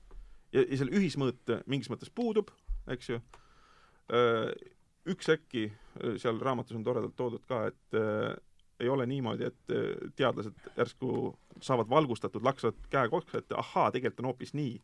vaid nagu ta murelikult ütles, et lihtsalt uued kasvavad peale ja neil on teistsugune maailmapilt, eks ju aga hästi, ärme Kuuni, Kuun tõmbame praegu võib-olla liiga laiali. jah, jah, jah, et äh, me oleme siin tund aega natuke peale rääkinud ja oleme teinud äh, mingisuguse ringi peale sellele peenrale, kus Foucault on välja kasvanud, nimetagem see Nietzsche jäi veel ah,. jah, Nietzsche, Nietzsche, Nietzsche on äh, olemuslikult väga, põhimõtteliselt äh, Foucault, ma arvan, ta pidas ennast mingiks Nietzsche taaskehastuseks või midagi jaa, aga, aga tuleme sellele teisest teemast, põimime ta sinna sisse, et, et et äh, ma tahaksin üks teist, teist poolt veel äh, lähemalt rääkida, et äh, see peenar siis laias laastus on postmodernism, marksism, Frankfurdi koolkond, nüüd Nietzsche käis läbi, võib-olla jõuame Nietzsche'st. No, nagu Foucault ütles, paralleelselt. Et ma, ma isegi usun selles suhtes, et Foucault ei, kindlasti ei varastanud sealt midagi, aga ka teised, et nad ei olnudki noh, algselt kursis, sest pärand- no, nii, palju ei suhelda. ei, paralleelselt muidugi, jaa, jaa. see on selline ja, marksismil põhinev ja pärast esimest maailmasõda tekkinud jah, see on oluline üle, mõlemas riigis väga sarnane. jah, see on oluline lisandus oli siin, aga mm -hmm. sa, Mihkel, rääkisid siin enne suhteliselt saate alguses sellest, et sa lugesid ähm, äh, mingit prantsuskeelset või prantsuse keeles tõlgitud romaani sellest, kuidas üks äh, Herv kui Päär, sõber, kes ei päästnud minu elu. jah, et äh, AIDSi surevast äh, sõbrast oli seal vist jutt siis äh, jah, eks aga... sõber oli parasjagu AIDSi suremas, kui ta seda kirjutas, see on yes. autobiograafiline, see sõber surigi jah, aga see, see tuletas mulle meelde, ma ei tea, kes on lugenud Issak Bashevis Singeri Perekond Moškatit, kus on selline lause, et kõikide eraeluliste ja sotsiaalsete probleemide allikaks on magamistuba ja, ja, ja ma mõtlesin nüüd jutuga viia sinnapoole ja ja ma toon ähm, siit, loen ette ühe, ühe lõike siis Krutoni raamatust. kuid oli veel üks valdkond, mida ta pidi uurima ja mille Sartre oli, oli oma Saint-Genet kodanliku normaalsuse käsitluses kesksele kohale tõstnud. nimelt seksuaalsus see valdkond pakkus Foucault'le, kelle tarmukas homoseksualism tõukas teda teada-tuntud liialdustesse, kaasa arvatud külastuskäigud San Francisco sadomasohhistlikesse saunadesse, erilise isiklikku huvi. ta õigustas neid visiite nii kirglikult, et see meenutas olemise ja ei miski sadamada, sadamasohhismile peetud kõhedust tekitavaid üle, ülistuskõne, kõnesid. et äh, milles ma tahan nüüd selles järele jäänud tunnis või natuke vähem on aega jäänud, et äh, et ma kasutasin ühes oma loos pilti, kus olid üksteise alla, olid niimoodi sattunud, mitte sattunud, pandud siis see teada-tuntud punane äh,, punane sirbi ja vasaraga plagu.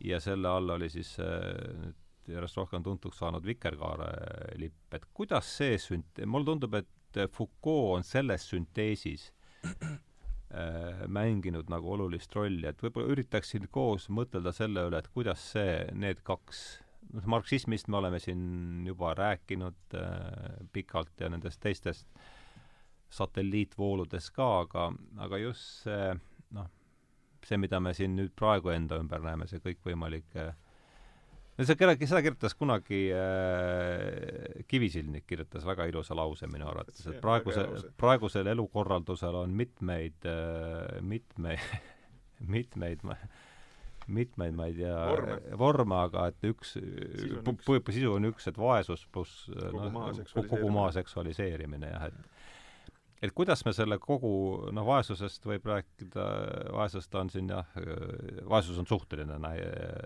nähtus eelkõige, kui vaesed me siin oleme, on omaette küsimus ja kui, kui vaene igaüks on, aga see kogu maa seksualiseerimine tundub olevat küll see midagi, mis on siin viimase sugupõlve, isegi vä-, ütleme noh, see, see on see, mis tundub nagu järjest äh, hoogu peale koguvalt, see protsess, et äh, et kuidas Foucault on seotud kogu maa seksualiseerimisega?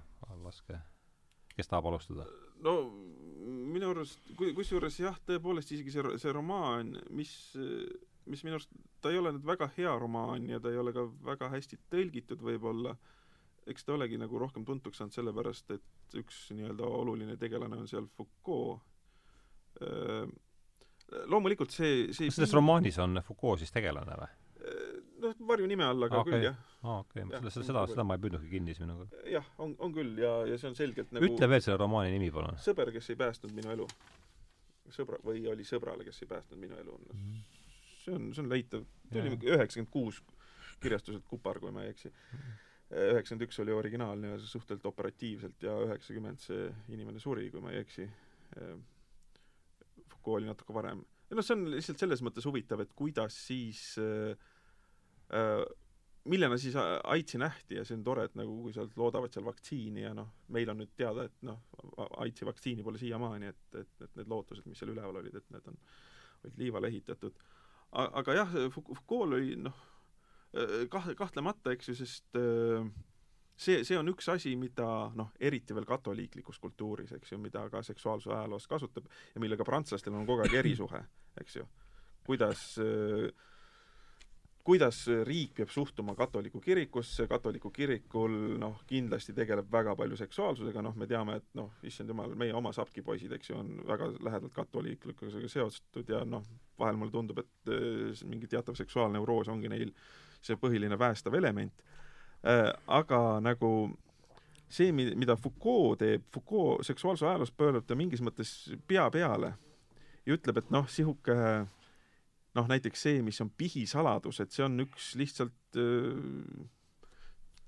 üks, üks spetsiifiline seksuaalsuse vorm, eks ju. pihisaladus on spetsiifiline jaa, eks ju, see, kuidas seal hmm. nagu eriti detailselt nagu kutsutakse inimest pihtima ja nii edasi, eks ju, ja me teame ka, et seal preestritel on noh, tsölibaadi nõue, noh, mi-, mis, mis nüüd konkreetselt tänapäeval, näiteks juba aastal kaks tuhat üheksateist on see kogu aeg tulevad uued skandaalid, täna ma lugesin, oli Poolas umbes jälle analoogne mingi film välja tulnud, mis on ka Youtube'is üleval, äh, kui mastaapne on olnud see pedofiilia probleem ka Poolas, äh, eks ju, seal, kus see hiljuti oli, Inglismaal tuli välja, ja ka Prantsusmaal, eks ju, kus need dokumentaalfilmid tulevad, ma mäletan isegi Jordan Peterson ütles minu arust selle aasta alguses, et, äh, et katoliku kirikust tuleks võib-olla välja astuda peaaegu, et noh, et ta on nagu nii läbi imbunud.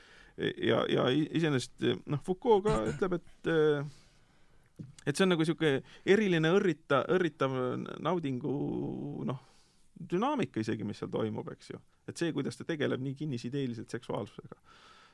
ja, ja siis mis nüüd tegeleb? katoliku kirik, eks ju, et see on nagu noh mm.,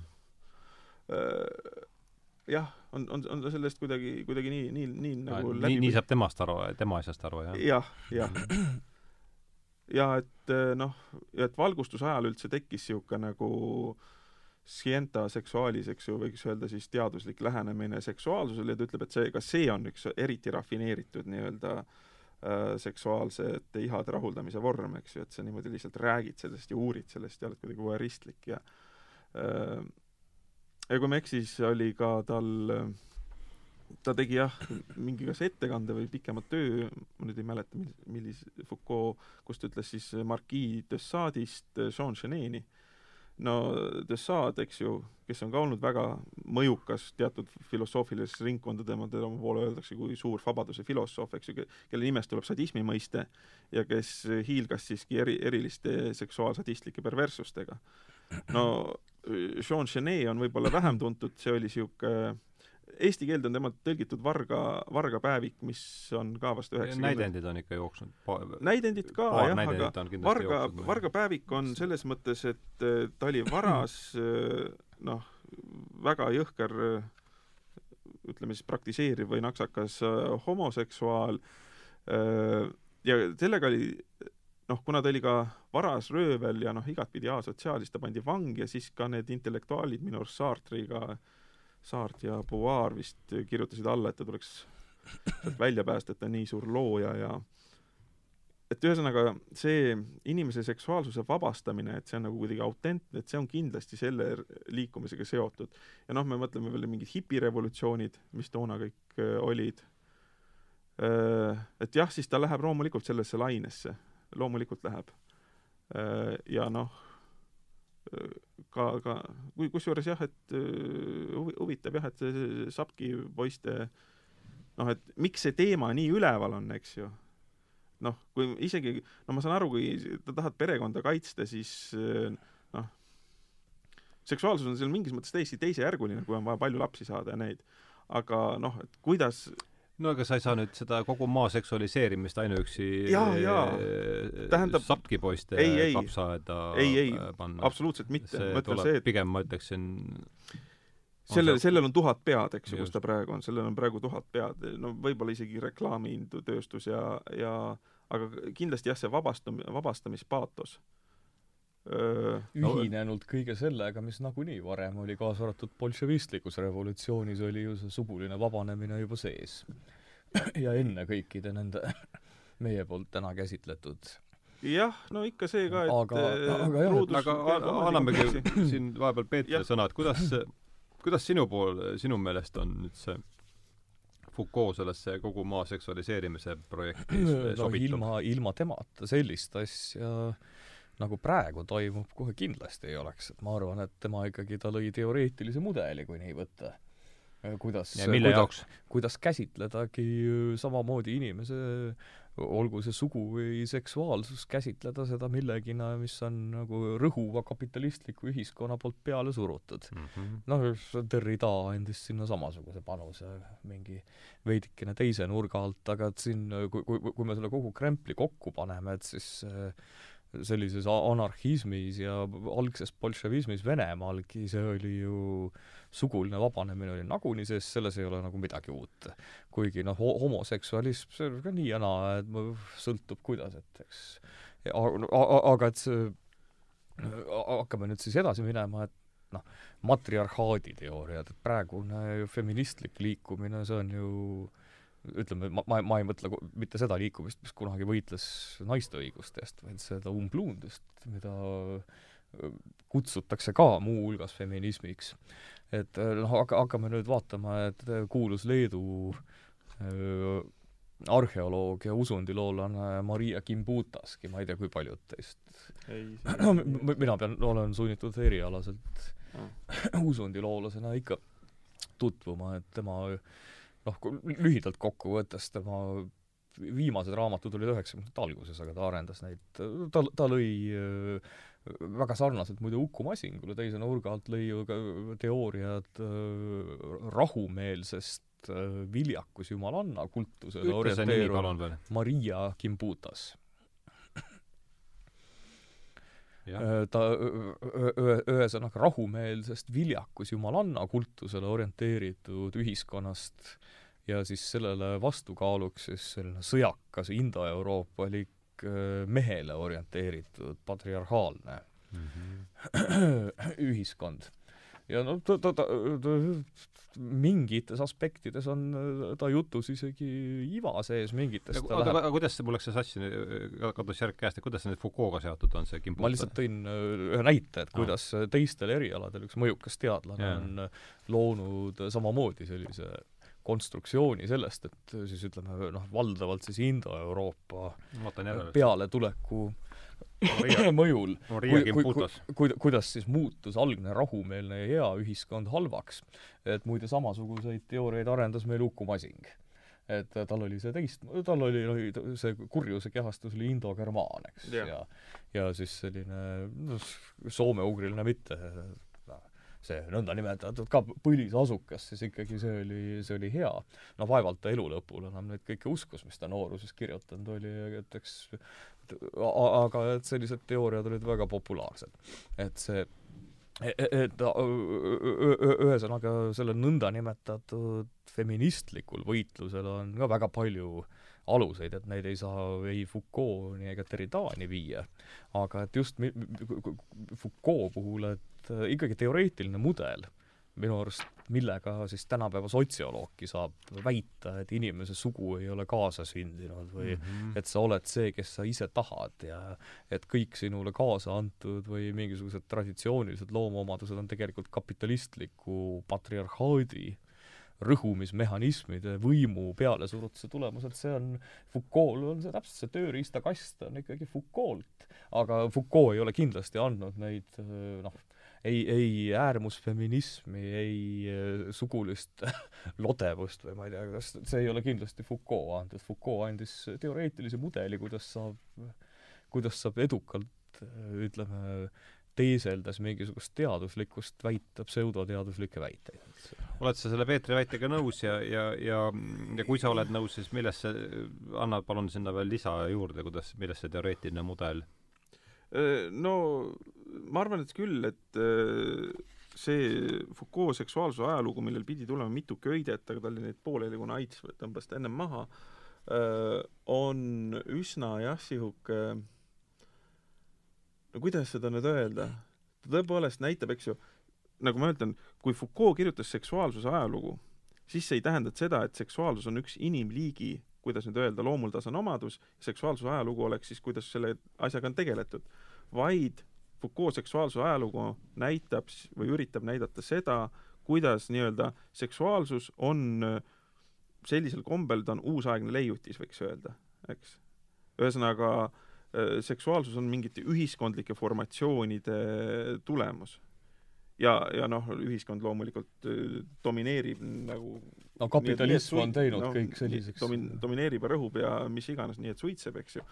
Ja siis, siis loomulikult jah, need, need igasugused vabastus, kuidas nüüd öelda, soovid või tungid teht-, tahtmised saavad sealt, sealt mingis mõttes võimu, võimendust. Äh, aga palun, see mõte käis siin ka enne läbi, et, et seksuaalsus on moodsa maailma sünnitis, et anna siin natukene meile palun värvi juurde sellele väitele. Äh, sellele nojah, tõenäoliselt, eks ju, see, see, see ei tundu kuigi, veenev, noh loomulikult ta pidi Aga... selle jaoks mitu, mitu raamatut kirjutama ja siit ma nüüd, oota, mõtlen kohe mm, äh, no näiteks oota, ma vaatan, mis me, see on mul lihtsalt, see konspekt on mul tehtud siis, kui see ilmus kaks tuhat viis, ma vaatan, eks, et siis näiteks tsitaat lehekülg nelikümmend on see no kuidagi väga kiirelt äh, ära vurista, katsu oma sõnadega kuidagi rääkida meile, mis milles seal, mis on selle asja, miks ta väidab seda, et seksuaalsus on moodsa maailma sünnitis, et see tundub mulle huvitav? No nii, ma loen siit väikse lõigu, võib-olla see on kõige lihtsam. alates kaheksateistkümnendast sajandist on seks lahutamatult tekitanud üldist diskursiivset erutust ja seksidiskursuses ei ole juurde tekkinud mitte väljaspool võimu haardeulatust, ega võimu vastaselt, vaid just seal, kus võim tegutseb, võimu teostamise vahendina. kõikjal õhutati inimesi rääkima, kõikjal loodi võimalusi kuulamiseks ja üleskirjutamiseks, kõikjal võeti kasutusele vaatlemise, küsitlemise ja sõnastamise protseduurid.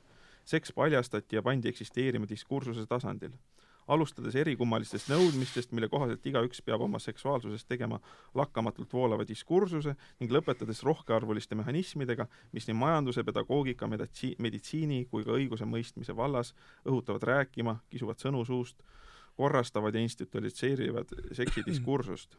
meie ühiskond on nõudnud määratud sõnadevoolu ja sellega saavutanud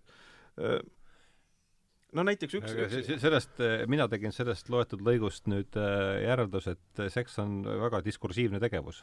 Kahtlemata muidugi see, see eriti jäi mulle see, see üldine diskursiivne erutus tundus olevat väga niisugune äh, no siin ongi, et ega minu meelest see on väga sümptomaatiline sellele no, näiteks... vaimusuunale, see diskursus äh, no. ei no neil kõik ongi paberil ja teoorias ja kõigepealt tuleb mm. see te... see... võtame sellest sõnast kinni, kust tuleb see, kust tuleb see selle, selle leeri see suur diskurs, diskursuse lembus, et keegi saab sellest aru, mida nad selle all mida nad õigupoolest mõtlevad selle diskursuse all nüüd? sina, Peeter, oled haritud inimene, kindlasti oskad meid no kui, kui nüüd, ma usun, et sina kui seda ala ka õppinud oskad, oskad parandada, aga aga, aga hakkame sinust pihta no mida ta mõtles siis mingi teadusliku siis diskursuse, no tegelikult eesti keelde tõlgitult seda võib tõlkida lihtsalt loba näiteks.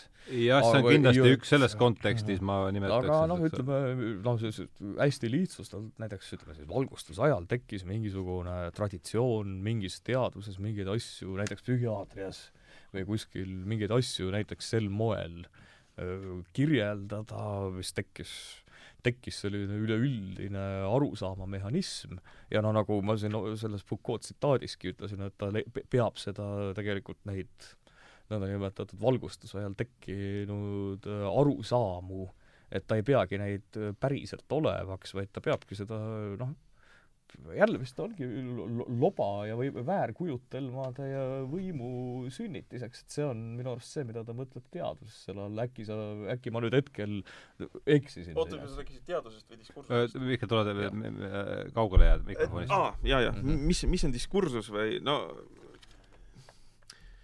see on äh noh, tema jaoks teadus ongi diskursus. see on üks, üks, üks teiste hulgas, noh, teaduslik diskursus. aga noh, see sõna käis, sellest lõigust käis ta, ma arvan, et see kümme, kui Jaa. mitte kümmekond korda ja ma kujutan ette, see sõna, see, see raamat see sõna ei tähenda tegelikult mitte midagi no,, aga see kõik sõnad, mida sa kasutad kümme korda väikses lõigus, kaotavad oma tähenduse, aga, aga üritame siiski, mida nad, sest see tundub olevat, see tundub olevat sümptomaatiline mingite on ma panin juba viisteist aastat või kakskümmend aastat tähele Sirpi lugedes, kui ma seda veel tegin, et äh, seal oli ikka no, mm, diskursus oli ette ja taha seal niimoodi.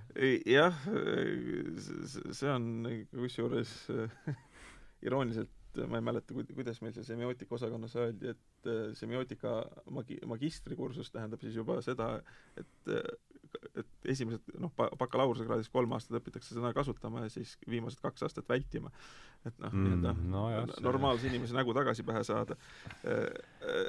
mida, mida, mida, mida see tähendab, noh, ma ütleks, et ta on, ta ei ole ideoloogia, ta on mingite ta, ta on kõnelemisviisid, aga eks ju, ta läheb ideoloogiast mitte, nagu ideoloogia on nagu mingi abstraktne mõistuslik asi, siis ta läheb tegelikult, diskursus läks nagu allapoole.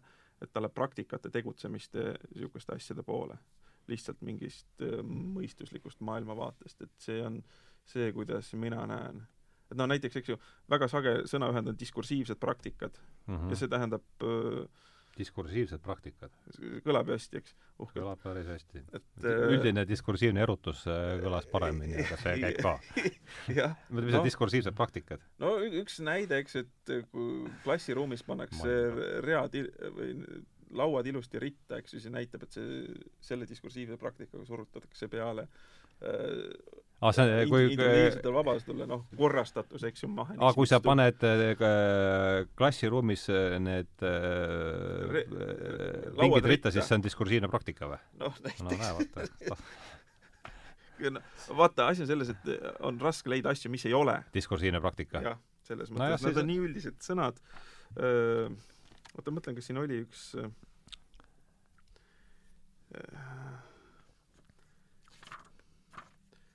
kas ma mõtlesin, kas siin oli kuskil ka defineeritud, sest no eks ju siin on, ongi võimu mikropoliitika, Michel Foucault ja siis on, eks ju, peatükid võim ja teadmised, võim ja diskursus on üks, eks ju kohe aga vaatame seal, lase nüüd silmaga üle ära, palun võta jälle tsiteerimismasinal võtan juhtme ära. jaa, võtame tsiteerimismasinal, see tundub, et võim ja diskursus, millest seal meile räägitakse? jah, diskursuse all on üldisemas tähenduses silmas peetud tegelust kirjeldavat ja loovat keelekasutust või ka muile kultuurilis-sotsiaalsele rühmale omast keelekasutus. aa, no see on üks sulle postmode-, vaba, vabanda, et ma lasen su see, see jätkub ma saan aru, et see jätkub, seal on sa katkestad diskursust. sada lehekülge on selle raamatu lõpuni aga lase käia äh, kuid Foucaultlikus tähenduses tuleks diskursusi määratleda kui reeglitega kehtestatud praktikaid, milles vastava diskursuse mõjuväljas viibiv inimene ei pruugi midagi teada. võim toimub erinevate diskursuste tähenduslike praktikate kaudu. seda ma mainisingi, et põhimõtteliselt selle Foucault järgi ongi seesama teadus, ongi selline noh, võim, või, võimude poolt peale surutud noh, võim teostab ennast läbi selle. no ühesõnaga jah et see näiteks mõjutab totalitaarne võim ajastu arhitektuurilist väljenduslaadi või ehitist- ja ruumilahendusi no, samuti need määravad need diskursused ära selle, mida peetakse teadmisvääriliseks. kas see on hullumeelne, mis on nauding näiteks, eks ju, et see läheb nii sügavale välja.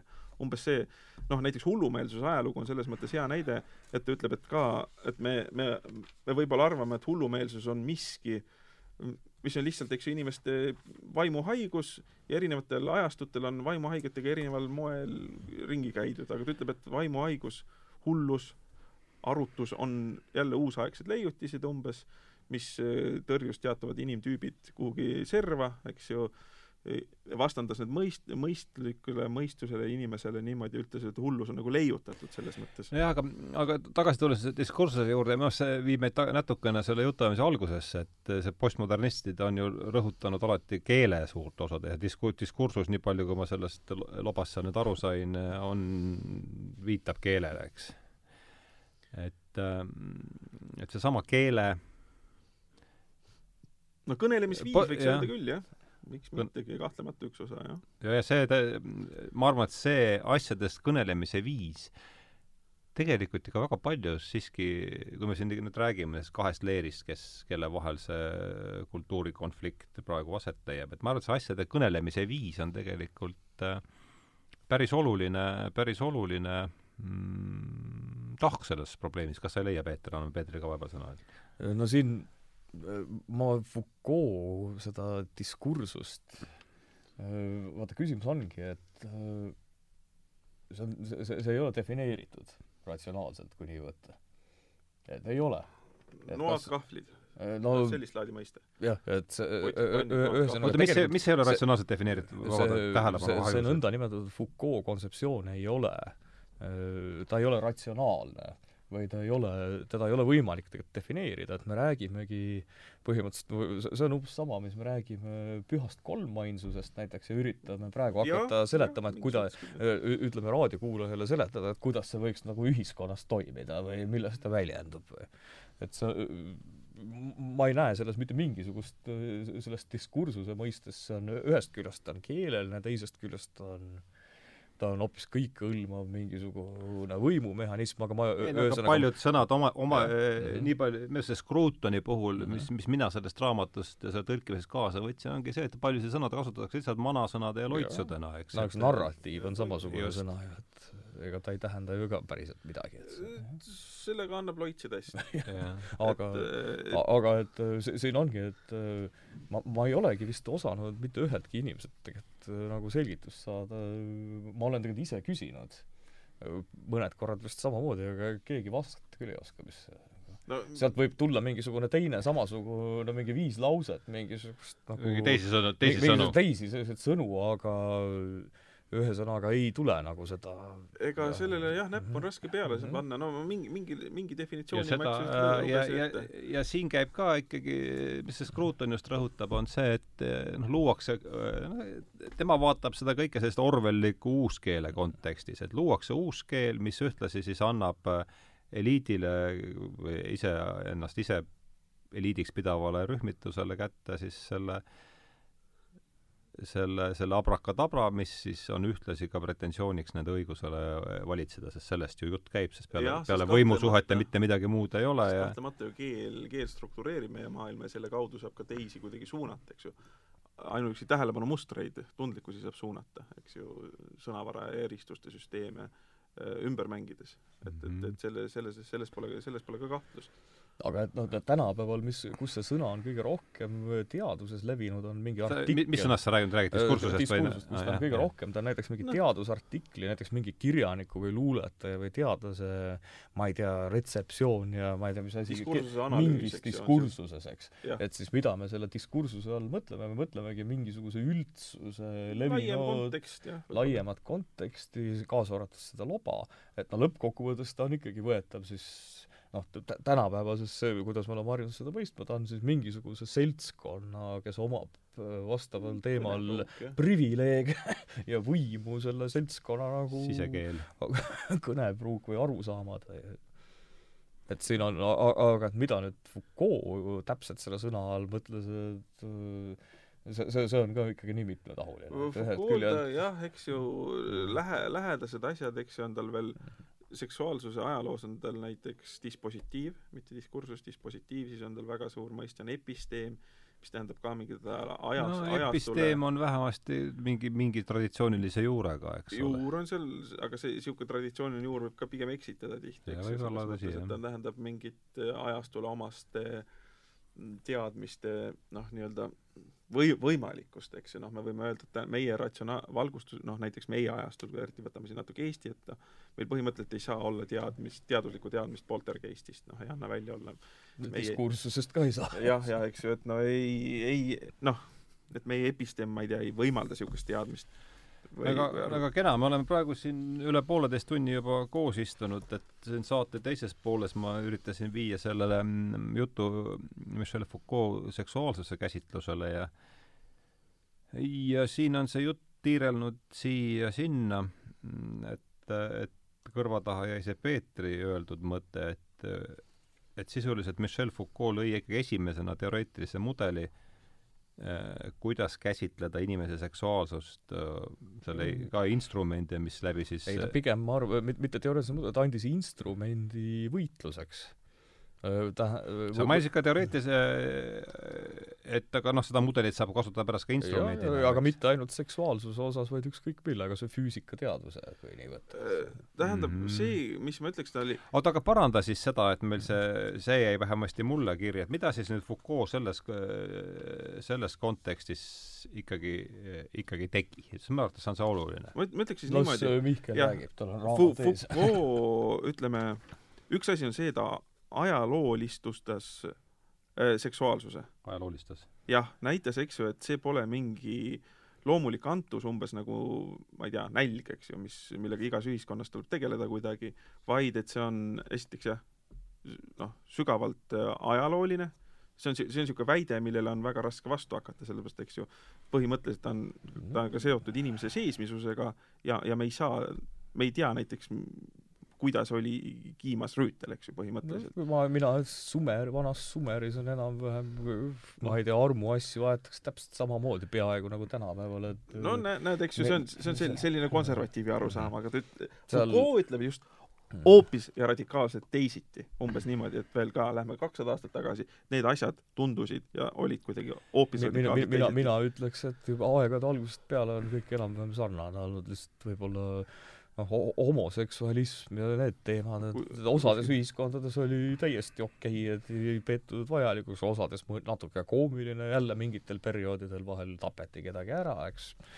aga ma ei ütleks, no ühesõnaga, mida me sellest võime järeldada, noh, homoseksualism tõenäoliselt on olnud noh, see, me ei tea nüüd, mis vormis, et kas ta oli noh, mingi luulelise armastuse vormis aga et seda ei saa nagu eitada, aga et vaata neid seitsekümmend muud jama, et nagu seda me saame, seda lihtsalt ei ole. keegi ei oleks juba vanas Sumeris või kuskil ikka seda sa mõtled no, seda LBQTTPP, no, seda rida? ja kindlasti oli vanas Sumeris ka mingi mees, kes armastas naise riietes kõrtsis käia näiteks, aga et siis tõenäoliselt keegi ei osanud seal vaadata, et lihtsalt mingi hull jälle jõi purju ei, vot Foucault teeks siin mitte parandust, esiteks ta ütles, et sellel ajastul ei olnud mingit hullu, polnud hulluse kontseptsiooni. ta, ta seksuaalsusega ah, see on ju ka kodanliku maailma leiutis, eks ole, hullus on ka kodanlikus, on kodanliku maailma leiutis. ja kahtlemata represseeriv ja väljav. Mm.. ja muidugi veel ta ütleks, noh, see, see, mis, mis Foucault nagu tõi, ütleb, et noh, just sellele, mida näiteks Peeter praegu rääkis, Foucault radikaalselt vaidleks vastu, ütles, et igale ajastule on näiteks omane ja meie oma praeguse ajastu nii-öelda arusaami ei tohiks mingil juhul ekstrapoleerida sinna. ta nagu kui noh, mis on Peeter ju mingil määral ka mõistlik mõte. eks ju, kui, kui Peeter rääkis pidevuse positsioonilt, siis Foucault radikaliseeris mingis mõttes äh, katkenduslikkuse ja hüp-, hüppelisuse.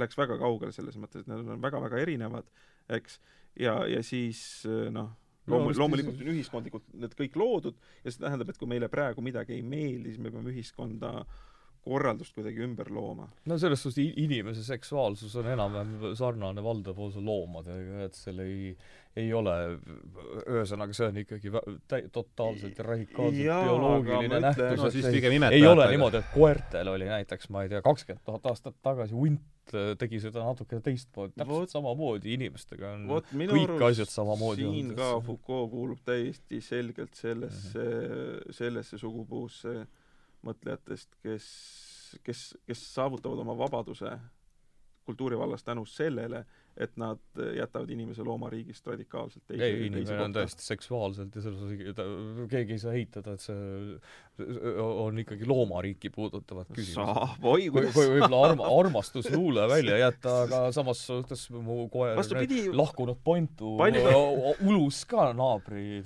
koera tüdruku peale, et võib-olla ta väljendas samu tundeid, mis tänapäeva poeet. kus, et kui kusjuures kui loomalikul tasandil, aga et minu arust seal ei ole erinevusi loomariigi ma mõtlen kõrgemal, noh, imetajaskonnal. Uku Masing ütles, et hundi ulgumine on religioosne praktika. ma tema olen lugenud. tema, tema tõmbas, eks ju, sinna pidevuse, Mhm. aga minu tõenäoliselt, ma isegi nagu loomadel on kindlalt religioossed mingisugused praktika alged. jaa, aga ka, kas sa saad aru, kui, kuivõrd praegu Noh, no, see- kui siin oleks praegu Mhm. Ahto Lobiakas, ta raputaks pea endale otsast ära lihtsalt no eks ju aga ta ta, raputaks nii kõvasti pead. ta las ta raputab. sest, sest on üks asi, eks ju, on arusaadav ka see, et inimese kultuurile tuleb jätta väga suur vabaduse valdkond, et teha selliseid pööraseid manöövreid, nagu teeb Foucault, eks ju, see on see noh, aga, aga noh, kin-, tähendab, ma, ma ei peaks teda ka kerglaseks selles mõttes, et tema nii-öelda et paljudes, nii mõneski järelsõnas, ka Marek Tamm ühes, et noh, mingis mõttes teda nagu väga huvitas tõde, eks ju, aga ta lähenes sellele sellel sama, samal moel, noh, ma ütleks, võiks mingis mõttes tegi sama vea, mis Descartes, eks ju, mind huvitab nagu absoluutselt kindel tõde, mis ei ole, ei ole enam ajalooline, vaid absoluutne. ja kuidas ta läheneb sellega, läheneb radikaalse skeptitsismiga. eks noh, me teame, et noh, Descartes ütles, et ma mõtlen, järelikult keegi mõtleb, järelikult on keegi mõtleja olemas, et see on nagu ainus kindel asi, milles ma saan päris kindel olla. ülejäänud on juba kõik kahtlane, eks ju. ja no Foucault mõtles ka, mida me siin ümber näeme, järelikult kõik on tõenäoliselt no jaa, aga see on, see, kuidas seda cogito, see on üks võimalus on teda tõlkida mõtlemiseks, eks sellel on veel palju, et miski palju mõtleb. erinevaid, ega mõtlemine ise on ainult üks võimalus seda cogitot ju ühesõnaga, noh, tõlkida. et l- Aga- radikaalne skeptitsism sobib talle, sest radikaalne skeptitsism sobib alati lammutamiseks, eks ju mm. -hmm. mis tahes asju sa saad aa, sa radikaalse et sa skeptitsismi ütleksid, et ta on samas, mingil määral samasugune radikaalne skeptitsist nagu Descartes siis? Natuke seal, no selles, selles mõttes jaa, et eks ju kuigi Foucault võib-olla on see rohkem vahend, selles mõttes, eks ju, et on ju noh, see, mida teevad igasugused pragmatistid, need ju kipuvad sattumuslikkust, sattumuslikke kultuurilisi sattumuslikkusi põlistama, igavikulistama. aga sihuke, igasugune niisugune korraloome, mis on kõige mõt-, üldisemas mõttes korraloome, käib korravihkajatele arusaadavalt närvidele, eks ju. Ja Foucault vastavalt oma isiklikele sattumustele ei sallinud üldse korda. aga sealt tuleb ka mingis mõttes tema talent või geniaalsus selles mõttes, eks ju, kuna tema oli inimtüüp, kellel igasugune kord käis ilgelt närvidele, eks ju, noh. ja selline tüüp on et, olemas. jah, ja selline tüüp on olemas ja see on ju ilmselgelt ka väga hea siis neid äh, struktuure välja joonistama, sest iga Mhm. puudutus teeb talle ilgelt haiget. noh, näiteks äh, mingid äh, meiesugused, eks ju, noh, mida, mida ka feministid vahel ette heidavad, eks ju, kuna me, meid kui va-, vanu isaseid tarikaid, eks ju, nii paljud asjad üldse ei häirigi, eks ju, siis me ei pane neid tähele ja see on see nii-öelda privileegi pimedus või mis iganes. meil võib olla siin võib-olla heteroseksuaalsuse pimedus mistõttu me ei suuda mõista, kui ängistav on elada homoseksuaalsena kuskil maailmanurgas.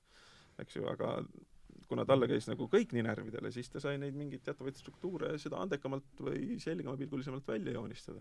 muidugi üks asi ka, et kui Foucault Hea ei oleks vabandust, kui, kui Foucault ei oleks muutunud sotsiaalteadustes äh, niivõrd mõjukaks, nagu ta praegu on, ja ja, ja, ja ka subkultuuris, kogu selles vasakpoolses subkultuuris, no eelmises saates ma vist mainisin, et ta on nagu Jeesus, et võta Foucault ära, et siis ma kahtlen, kas Derrida ja Lacan suudaks seda kogu liikumist Ei välja ka, ei, ei, Derrida oleks, nii, Derrida jah? oleks võib-olla selline väikest viisi antropoloog, keda ikka tsiteeritaks mõningates aspektides ja Lacan oleks mingi tore posija seal. jaa, sest kahekümnenda sajandi keskpaigast, aga et, et selle, kogu selle mhm. rõhumiskamma ja nagu on väga briljantne esindaja on Foucault küll, eks ju. ja võib-olla kui ta ei oleks just teaduses nii mõjukas, sest see ajab, noh, päris teadlasi ajab see ikka päris vihale, kui tuleb mingisugune doktoritöö, kus on äh, mingi Foucault juhuslik mingi äh, hüpotees, mida ei ole keegi tõestanud, on võetud nagu terve teadusliku uurimuse põhialuseks.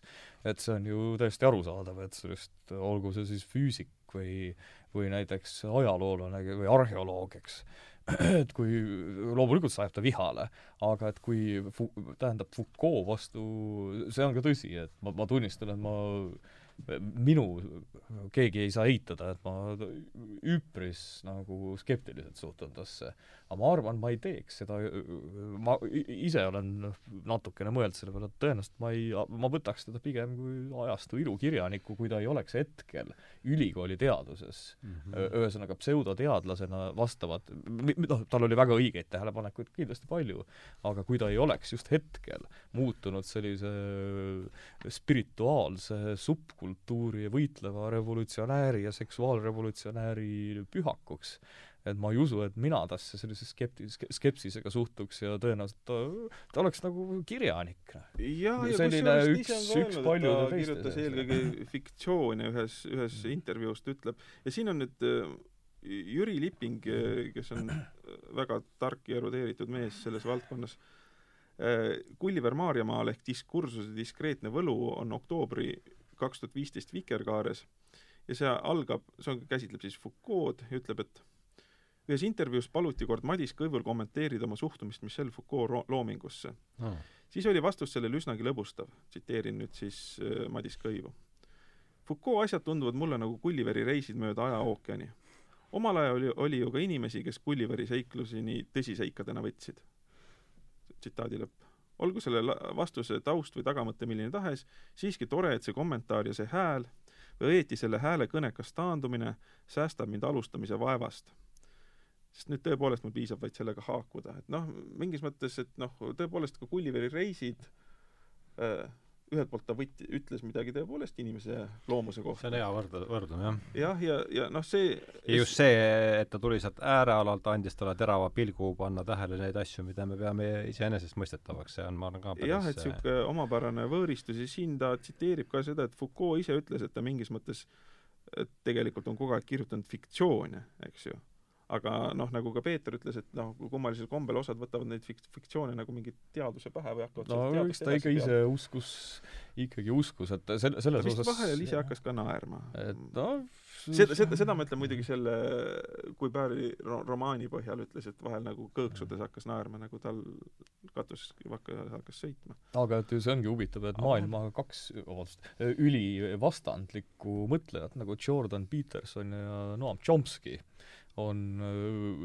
nõus äh, nii Foucault kui postmodernistliku koolkonna just ohtlikkuse osas. ja äh, Chomsky on selle noh, aastakümneid enne Petersoni välja toonud, et ta ütles, et see on noh, Foucault kohta, sest ta ei ole näinud mitte kunagi mitte ühtegi inimest, kellel puudub absoluutselt igasugune arusaam moraalist ja no, seda on, seda on Chomsky öelnud, et see on äh, ohtlik, sest see viib radikaliseerumiseni ja Chomsky on tegelikult, tunnistame ausalt, ta on ikka paras radikaal ise. aga ta, Chomsky usub lihtsalt paremasse maailma ja et maailm läheb, areneb üha, üha paremaks ja inimesed lähevad ka paremaks ja ja, ja teatavasse ka moraali ja siis see, täpselt sedasama on öelnud Peterson. et see on lihtsalt selle, see viib, see, see võib viia ühesõnaga, kui kuskil maailmanurgas, ütleme, selline Foucaultlane, olgu see siis võitlev sotsioloog või mõni kirjandusteadlane või ma ei kujuta ette, kes ta, või ajaloolasi väga, noh, ajaloolased ei võta Foucault'i valdavalt väga tõsiselt. ajaloolased jah, seda on siin öeldud ka jah. et, et siis, aga kui võtta. keegi neist, ütleme selline koolkond võtab mingisuguses riigis noh, loodetavasti seda ei juhtu, aga näiteks ütleme viiekümne aasta pärast, noh nagu Marxigi puhul, et millal siis pärast Marxi surma, kaua see läks, kui esimesed diktatuurid tulid. et see, see võib olla üks inimkonna ajaloo kõige õudsemaid nagu diktatuurivorme. sellepärast, et antud mõttemaailmas ei ole mitte ühtegi moraalset pidepunkti. või Mm. põhimõtteliselt sellele sotsiaalse õigluse sõdalasel puudub igasugune moraalne takistus näiteks oma vastane ära tappa. No okei okay,, võib-olla seal midagi on, et piinata ei tohi, sest noh, loomi ei tohi ka piinata, aga aga et seda, et mingi koonduslaager püsti panna, inimesed, kõik vastased maha lüüa, see on lihtsalt, see on lihtsalt uue loomise juures selline väike, paratama- väike pisike kahju, et võib-olla ma lo-, loodetavasti seda muidugi ei tule, aga et äh, nii Chomsky kui Peterson on öeldud, et selline perspektiiv äh, tuleb arvesse võtta ja ma olen nõus sellega. ma teeks võib-olla lõpetuseks ühe niisuguse olulise eristuse selles, et eks ju, kui ma ütlesin, et see tundlikkus, mis võimaldab välja tuua niisuguseid hästi ähmaseid piirjooni, mida nii-öelda normaalsed inimesed ei, ei, ei taju, siis sama, samas see ülitundlikkus kaotab ära ka intensiivsuse eristused, et ma siin Mirjam Lepikulti järelsõna jälle sellele samale äh, valvata ja karistale lõpeb minu arust väga iseloomuliku seiga väljatoomisega. siin on, eks ju, et mis puutub Foucault suhtumist Nõukogude Liitu, siis puudusid tal paljudele teistele lääne intellektuaalidele omased illusioonid tegelikult juba enne Solženitsõni suurteosega lugemist seitsmekümne neljandal aastal. kuigi see jättis talle sügava mulje, millise järelkaja leidub arhipelaagi mõiste näol käesolevas teoski, teoseski. Foucault aitas korraldada nii mõnegi koosoleku läände jõudnud Nõukogude dissidendi osavõtul ning kindlustas neile ajakirjanduse tähelepanu. aga kui seitsmekümne seitsmendal aastal pühendati Nõukogude Liidu repressiivse psühhiaatri lahkamisel üks konverents, siis ühe osaleja, kellegi Revelli mälestuse järgi muutus seal Foucault pikapeale kärsituks, kuna tema enda teooriate alusel kõneldi ikka ja ainult Nõukogude süsteemis. viimaks ta kuidas palun? et noh, et sellel konverentsil Foucault oli kuulaja, muutus pikapeale kärsituks mm. -hmm. eks ju, sest äh, selle, tema enda teooriate alusel kõneldi ikka ja ainult Nõukogude süsteemist. viimaks ta pahvatas. me peame organiseerima võitlust ka lääne gulaagi vastu. kuid teiste seas viibis ka kohal Vladimir Bukovski, kes oli alles hiljuti pääsenud tõelisest gulaagist, kus tal oli tulnud vaevelda ligi tosin aastat. nüüd siis tsitaat mälestustes. Bukovski purskas hullumeelselt ja ohjeldamatult naerma, samal ajal kui Eugene Ionesco mitu korda kõva häälega küsis, kas ta kuulis ikka õigesti. See vastuoluline pilt peaks meile ka just nüüd ja just siinsel idapikkusel palju mõtlemisainet pakkuma. Sest eks noh, kuna Foucault tundlikkus rõhumise suhtes on nii suur, eks ju, siis äh, absoluutselt rõhuv on nii Nõukogude süsteem kui see vaba lääne ühiskond, mõlemad on absoluutselt rõhuvad. seda ta, see, see ja tsitaat, selle, mis ma ja ise selle on nüüd üle võtnud see, see, see leer, mis on temast teinud oma käilaku no ja kes Jaa. oli, kes ju mõjutas äh, tõenäoliselt ka Foucault, aga ka Derridaad ja üldse kogu postmodernistide seltskonda oli ju Linnart Mäll. et äh, väga tugevalt isegi. aga noh, Mäll, keda ma väga hästi tundsin, noh, niivõrd-kuivõrd, et äh, temaga Prantsuse mo- postmodernistidest rääkida, äh, ta üpriski häbenes, et ta oli mingisugusel eluperioodil neid tõsiselt võtnud. oota, korraks tähelepanu hajus, kes, kellest jutt? Linnart Mällist aa ah, et äh, no nimelt Del Kellis oli nende see põhiajakiri, Derrida ju avaldas ühe Mälli artikli ja tema ja minu arust seal oligi, et teda kuidagi presenteeriti mingisuguse vaba Nõukogude budismi uurijana.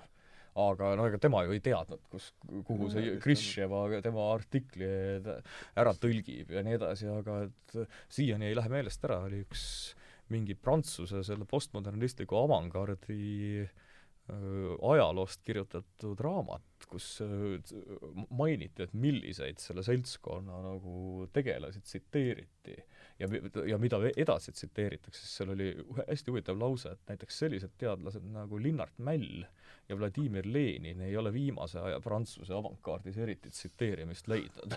ja siis jälle oli välja toodud, aga et kõik need Foucault ja neid ikka tsiteeri-, see on Google Booksist on ka leitav, ma ükskord tegin, tegin ettekande sel teemal. et siis Mäll sattus äh, ilma oma tahtmata lihtsalt, et noh, va-, vaba Nõukogude teadlane, noh, või nii, niivõrd-kuivõrd nad teda vabaks pidasid ja Derrida avaldas ja ja siis, aga Mälliga mul ei õnnestunud sellest kunagi rääkida, sest ta ikkagi väga häbenes, et ta selli-, võib-olla mul jäi vale arusaam, aga ta mitte No, kunagi ei maininud seda. see oleks Välja mingi oli Eesti, täiesti taga kiusatud. E- Eesti mingi, ma ei tea, Osso Krull oleks tõenäoliselt, ma ei tea, mis ta oleks nõus tegema, et Derrida oleks tema artikli kuskil avaldanud. et aga ühesõnaga ei, Mäll ei, ta ei, mitte kuidagi mitte kuskil ei öelnud, et tal kunagi noh, ütleme KGB-ga sidemeid omanud isikud ja pseudoteadlased teda oma noh, eeskujuna võtsid, et see Oriendi ihalus oli hästi suur.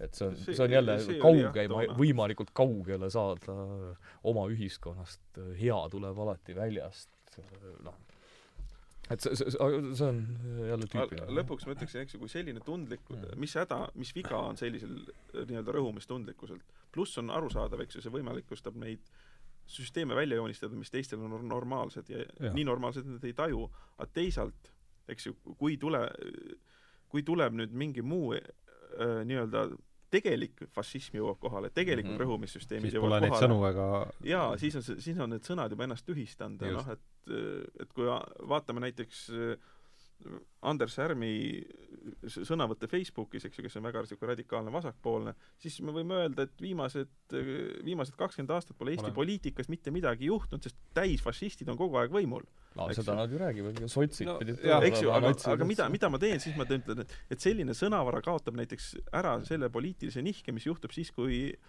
EKRE vahetab välja Reformierakonna. no ja jääb mulje, et jääb no. mulje, et osade, see on ka osade see no rõhumispunn on kogu aeg põhjas. jah, osade niisugune sala, sala või seal salajane või teadvustamatu motivatsioon, et kõik see kogu krempeliga saakski lõpuks üks huvitav paralleel ära pühitud.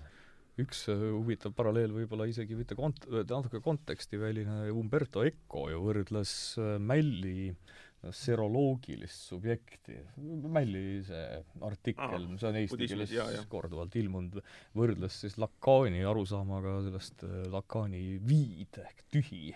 no see Lakaani see mudel, see on üldse noh, Jüri Allik tõenäoliselt võiks siin kakskümmend tundi seda maha teha. aga et mis mudelid? ühesõnaga, Umberto Eco võrdles Mälli ja Lakaani, nende noh, kahte arusaama, et see näitab, kuivõrd tegelikult Äh, nad lõid meelevaldseid sidemeid mm, -hmm. kogu, kogu see seltskond. Yeah,, nad lõid hästi-hästi meelevaldseid sidemeid, nad üritasid ikkagi no nagu Foucault'i igalt poolt võtta mingisuguse kontseptsiooni üle, millel puudus igasugune seos ja siis seostada seda oma mingisuguste koolkondadega, et see no, no aga kena, me oleme nüüd siin äh, kaks tundi, äh, pea, pea kaks tundi koos istunud, aeg on tõmmata sellele jutuajamisele joon alla, ma loen siit ette lõpetuseks lõigu, kaks lõiku siis õigemini, kaks tekstilõiku Michel Foucault ja Jean-Paul Sartre'i kõnelevast, kõneleva peatüki lõpust, autor on siis Roger Scruton ja raamat Olad petised ja tülinõrjad. ja ta räägib just sellest seksuaalsuse ajaloo, mis jäi siis ta luigelauluks, eks ole. et nendest viimastest töödest jääb mulje, et Foucault on normaliseeritud tema hiilgav keeletaju, tema tõmme antiikautorite ja ajaloo sikksakkide poole, tema ere kujutlusvõime ja kaunis stiil, kõiki neid kasutatakse viimaks õigetel eesmärkidel. inim-, inimeksistentsi kirjeldatakse pieteeditundega ja selle alt ei otsita enam salajasi struktuure. tuleb kasuks, et uurimisobjektiks on antiikmaailm ja autorid, kelle töid ei ole võimalik kõrvale heita või pelgalt kodanlikena paljastada kuid aitab ka see, et tolleks ajaks oli reaalsus Foucault röövinud. oli, vabandust, et eh, kuid aitab ka see, et tolleks ajaks oli reaalsus Foucault röövinud. et teda raviti selles samas institutsioonis, mida ta oli kord pilganud kombe pärast oma hoolealuseid nende olukorra tõega silmitsi seada, see oli siis hullumeelses ajaloos, eks. Foucault sai täiskasvanuks alles siis, kui tema enda, kui, kui ta tema enda olukorraga silmitsi seati. ta oli laskunud koos saatriga põrgusse, teise asualale kui ta oli kord omaks võtnud ka enda teisesuse ja naasis reaalsesse maailma oma olukorraga leppinuna. kuid ta oli omaks võtnud ka omaenda teisesuse ja naasis reaalsesse maailma oma olukorraga leppinuna. ja ma lugesin, ja kui ma lugesin tema viimaseid töid, tikkus mul aina pähe mõte, et Foucault sõjakas vasakpoolsus ei olnud mitte reaalsuse kriitika, vaid tema kaitse selle vastu. soovimatus tunnistada, et vaatamata kõikidele oma puudustele, on normaalsus kõik, mis meil on see on päris ilus. Äh, see on ilus, ilus kokkuvõte, kokkuvõte selle ühe elule ja loomingule, ma arvan.